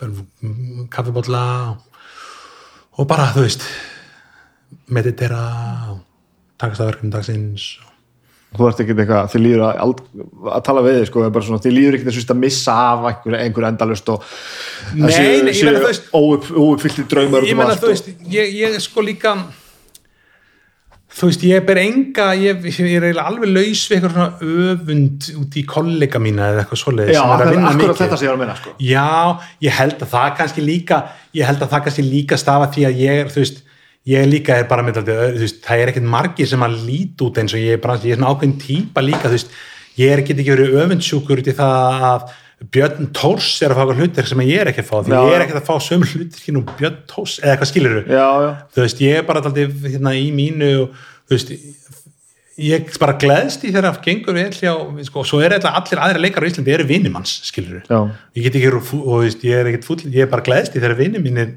vinnu mínir gengur vel. Já, og hérna, og ég veit alveg að maður er ekkert rétti maðurinn öll hlutverk og, og hérna um, þannig að ég, ég, ég er alveg laus við einhvern svona biturleika og ég er alveg, þú veist, það hljómar sem ég að spila mér og svona, ég er alveg mjög einlega með þetta. Ég, ég er alveg laus við allan biturleika út í, í, í vinni mína og kollega fyrir einhverja velgengni eða eitthvað svoleiðis. Mhm. ég bara gleðst í og, og ég gleðst í þegar mikið einhver vel og þú veist hann er að, hann er að hérna, annars held ég að maður lifi bara ekki af það eru veist. sem gera það samt það eru margir já, sem líður, taka en líður þeim vel Nei, ha, alls mér ekki. líður bara ágætlega sko. Já, mér líður mér sem bara vel að tala við um þetta þetta er, er, Já, er, já. þetta er stórkostleg en man, þetta hljóma samt svolítið þess að þetta sé bara svona þú, þetta er ekki bara þetta er gæðslega líka þetta er ekki ég. bara einhverjar góðar ákvarðan sem tókst á er nei, nei, nei, nei, ég meina þú veist með, þetta er alltaf gæðslega ég hef bara alltaf verið frekar jákfæður og ég, tó, ég hef tekið líka bara þann pól í gegnum tíðina. Menn það, það er alls konar þú veist, þú veist, ég hefði alveg geta orðið eitthvað algjört case sko. Skilurðu? það?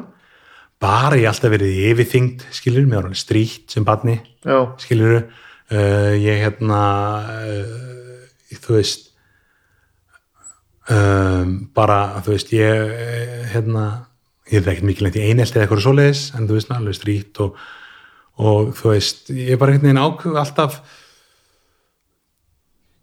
þú veist bara daldið teki það reynda að vera alltaf sáttur við sjálfa mig og, og þú veist, ég á alveg átt tíma sem að var stundum með, þú veist, kannski þingra einhverju dag en aðra, en þú veist, ég hef alltaf bara gert það sem ég langar til að gera þú veist, alltaf mikið einhverju leiti, en þú veist, ég hef alveg þú veist, þó ég fór í bómyndafræðistæði fyrir leiklist þá elska ég það, Já, já. ég fór og gerði eitthvað sem ég fannst skemmtileg, ég fór ekki í viðskiptafræði til að vera ríkur eða eitthvað svoleiðis. Ég hefði getið gert það. Já, um, þú veist ég hef verið það lánsamur að geta þú veist, eftir svona daldið það tók daldið tíma til að komast í leiklistaskóla eitthvað svona, en ég var í miðan að sína námið sem ég þótti skemmtilegt. Ég hef komist upp með það að gera hluti sem ég finnst skemmtilegir og og ég held líka því að ég hef bara, þú veist, hef, þú veist, það er alveg ég segi, það er tækifæri lífum minn sem hefði getað farið í, í niður einhvern veginn, skilur bara einmitt, vera einmitt í yfirþyngd, vera þú veist e, uh, vera kannski ekki gæn sem að næði sér í, þú veist, allir vinur minni komið í kærustur nema ég, eða eitthvað skilur en ég held ég hef bara einhvern veginn komist í gegnum það bara með því að uh, gera einhvern veginn er gott úr því þetta er kannski eitthvað sem ég fæ frá mömmu minni eða eitthvað skilur þetta er kannski þetta frá fjölskyldutengt eða eitthvað. En ég er bara alltaf daldið tekið því sem erfleikum einhvern veginn gert það af jákvæða hlutum. Og þegar dimmustaðir koma þá hef ég alltaf getað þú veist, þeir eru ekki margir en þá hef ég alltaf getað bara reynd að sjá því þú veist, það hefur bara veginn gegn hér bara geti ekki breytt þessum veikleika í styrkleika og þetta er aðeins að hafa leysa einhverju sjálfsjálfarbækur eða eitthvað svoleiðist, þú veist. Ég er bara svona eins og ég er. Get ég breytt í hvernig ég er? Jú, kannski, ég get kannski, þú veist uh, hreift mig meira, farið eitthvað mataræði eða eitthvað, langar mig það? Nei það gerir ég þetta ekki, þú veist, ég er kannski líka það. Ég er, ég er daldið mikill kannski, hérna, hedonist eða eitthvað með það, ég er, mér finnst óbúðslega leiðilegt að gera hluti sem langar til að gera og einu skipti sem að kona mín hefur séð mig kannski eitthvað fúlan eða þungan það er hún að gera eitthvað, þú veist einmitt, leggja parkett eða eitthvað skiluru eitthvað sem ég hef engan að fæ ekkert út úr skiluru, það var rosa skellilegt gott mómenti og maður flytti inn í, inn í íbúðuna okkar, þessi kefti í íbúð fyrst inn saman ég ætla bara búið heima, íbúð sem hún kefti er bara heima hjá henni, hún átti íbúðina. Svo kefti við okkur íbúð og, og það, og þú veist, hún við máluðum hana þú veist, og eitthvað og ég svona var, þú veist, hún gerði það meira því, hún er vandvirkar en ég og bara betri í hendunum, ég er algjörlega vonlaus í hendunum svo lögðu við parkett og lögðu svona, við bara svona plastparkett, sem er bara svona svo þú veist, það er svona. ekki flókið. Já, það er alls ekki flókið. Veist, en við- það, það er einfalt ég gætt gert það, sæmilega. Og á öðru með þriða degi er ég að saga einhverja einhverja spýt, eitthvað fjöl niður. Og ég segi svona, ég mani svona, ég, ég var ekki, ekki útúksað, það mistið út mér bara eitthvað veistu, ég, ég var sagði hvernig ég nennis ekki, veistu hvað? Það er svo mikið að bókum en úti sem maður hefur ekki lesið og tónlist sem ég ekki að hlusta á og hérna bíómyndur sem ég ekki séð og ég er eitthvað bara að leggja parkett þú veist. Mér finnst það mikið vera að sóa tíma mínu þú veist, í eitthvað sem að þú veist, fólki finnst bara að vera að búa til heimili og leggja upp og, og þú veist, en ég er svona forðast alltaf einu skipti sem ég er eitthvað svona þungt og erfið, það er bara gegnum allt svona eitthvað, þú veist, praktist eitthvað svona smíð eitthvað, eða það er að gera upp klósið eitthvað, kvíðakast bara. Þú veist, hérna, eitthvað svona. Já.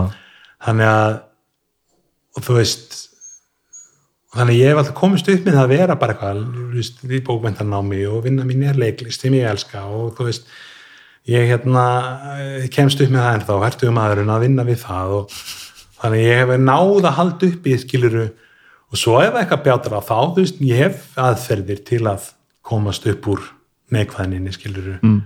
þú veist, ég hugleiði til dæmis núna búin að upplifa það, uppkvölda það í lífinu það hjálpaði mér mikið og hérna og svona þú veist, ég, ég leif ekki ég hef ekki leift eða ég hef ekki náð, ég hef náð að koma í veg fyrir það að erfið tíminn taki yfir raunin og haldi ég ákveðu attitude hvað, nú er ég mjög langt frá þessu, hvað hvað kallar það hugleysl? ég er bara með eitthvað svona app í símanum sko, Og hvað- Headspace, Og hvað gerir maður? maður downloadar í og svo hlusta maður að það, það er maður sem leiði mann gegn það.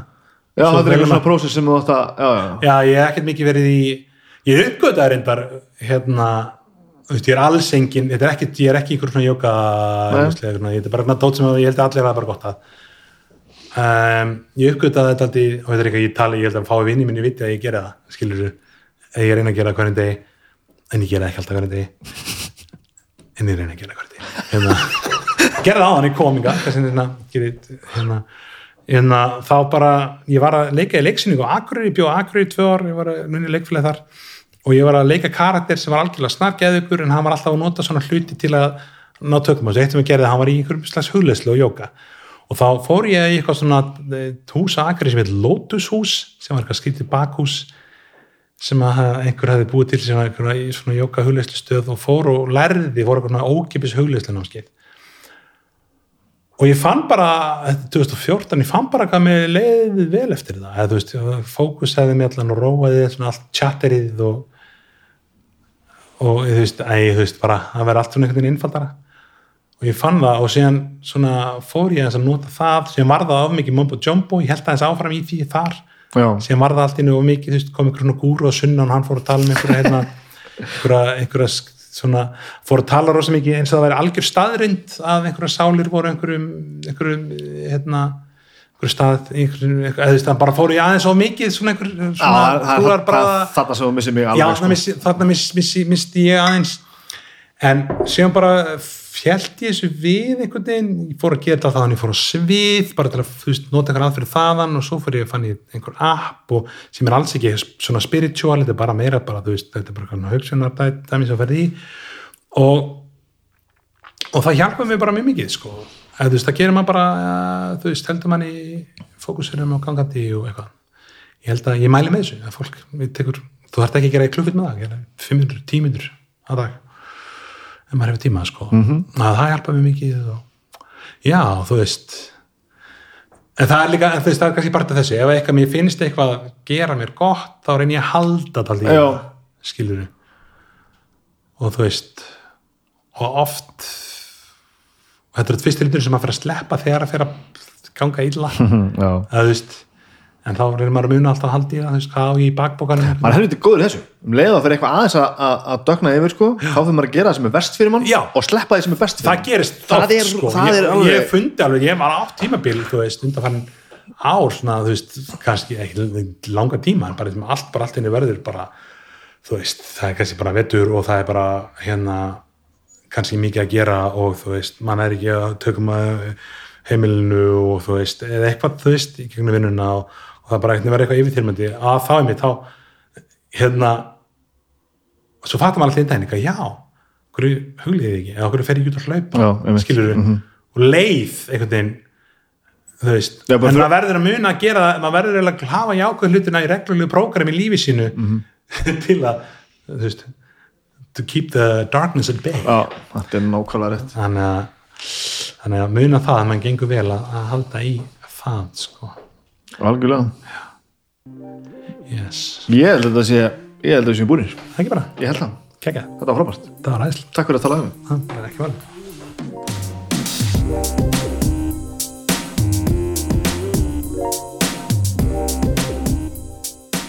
Já, ég held að þetta sé bara slákvæðlega svona. Fjandi var þetta gott. Það er eitthvað svo gefið hvað hann er mikið til í þetta. Er svo ánaði með sjálfan sig og veit svona einhvern veginn hvað hann hefur sjálfan sig og hann er ekki að tala sér niður hann heldur ekkert að blása sig upp og hann er bara veit hvernig það er að, vera leikari og hvað það, hvað það felur í sér og hann er ekkert að kvart undan því að bara ákvörðinu var bara að gera það og þá er bara að gera það. Og svo náttúrulega, jú, jú, getum við alveg rífist um það hvort það sé þetta fullkomna eitthvað og, og laga og breyta og bæta en, en ekki þetta ekki þetta einhvern veginn að- koma sér einhver aðstæður og fara svo kvartunda í hvernig þær eru frekar þá bara að reyna að bæta þær heldur en að vera þú vissir alveg hvernig þetta var ég segi fyrir sjálf mig sko, ég vann einmitt, vann, vann sem sjálfstað starfandi svona einhver listaspýra í tíu ár og það var bara fókt upp og ég var endast að kvartunda í hvað var erfitt og hvað er anskotanum með að mér, ég vissi alveg þetta var erfitt þegiðu bara Þannig að þetta er bara spurning um að lifa lífinu svo það er. Taktu þetta eins og, eins og þetta kemur fyrir. Og ef þú ert ekki sátt eða sáttur, ge- gerðu þú bara eitthvað annað. Eða reynda að laga það sem er að gerast. En ekki kvarta bara. Og þetta með það. Það er ekki margir sem lít út eins og ég. Það er frábært í stað fyrir að vera að breyta, að breyta sér, þá er frekar að breyta veikleikurum í styrkleika. Svo sagði, það er ekki margir sem lít út eins og Hannes Óli. Og þá er, lítur hann að vera bestur í því að leika fólk sem lítur út eins og Hannes Óli. Já, þetta er algjörlega meistarlegt.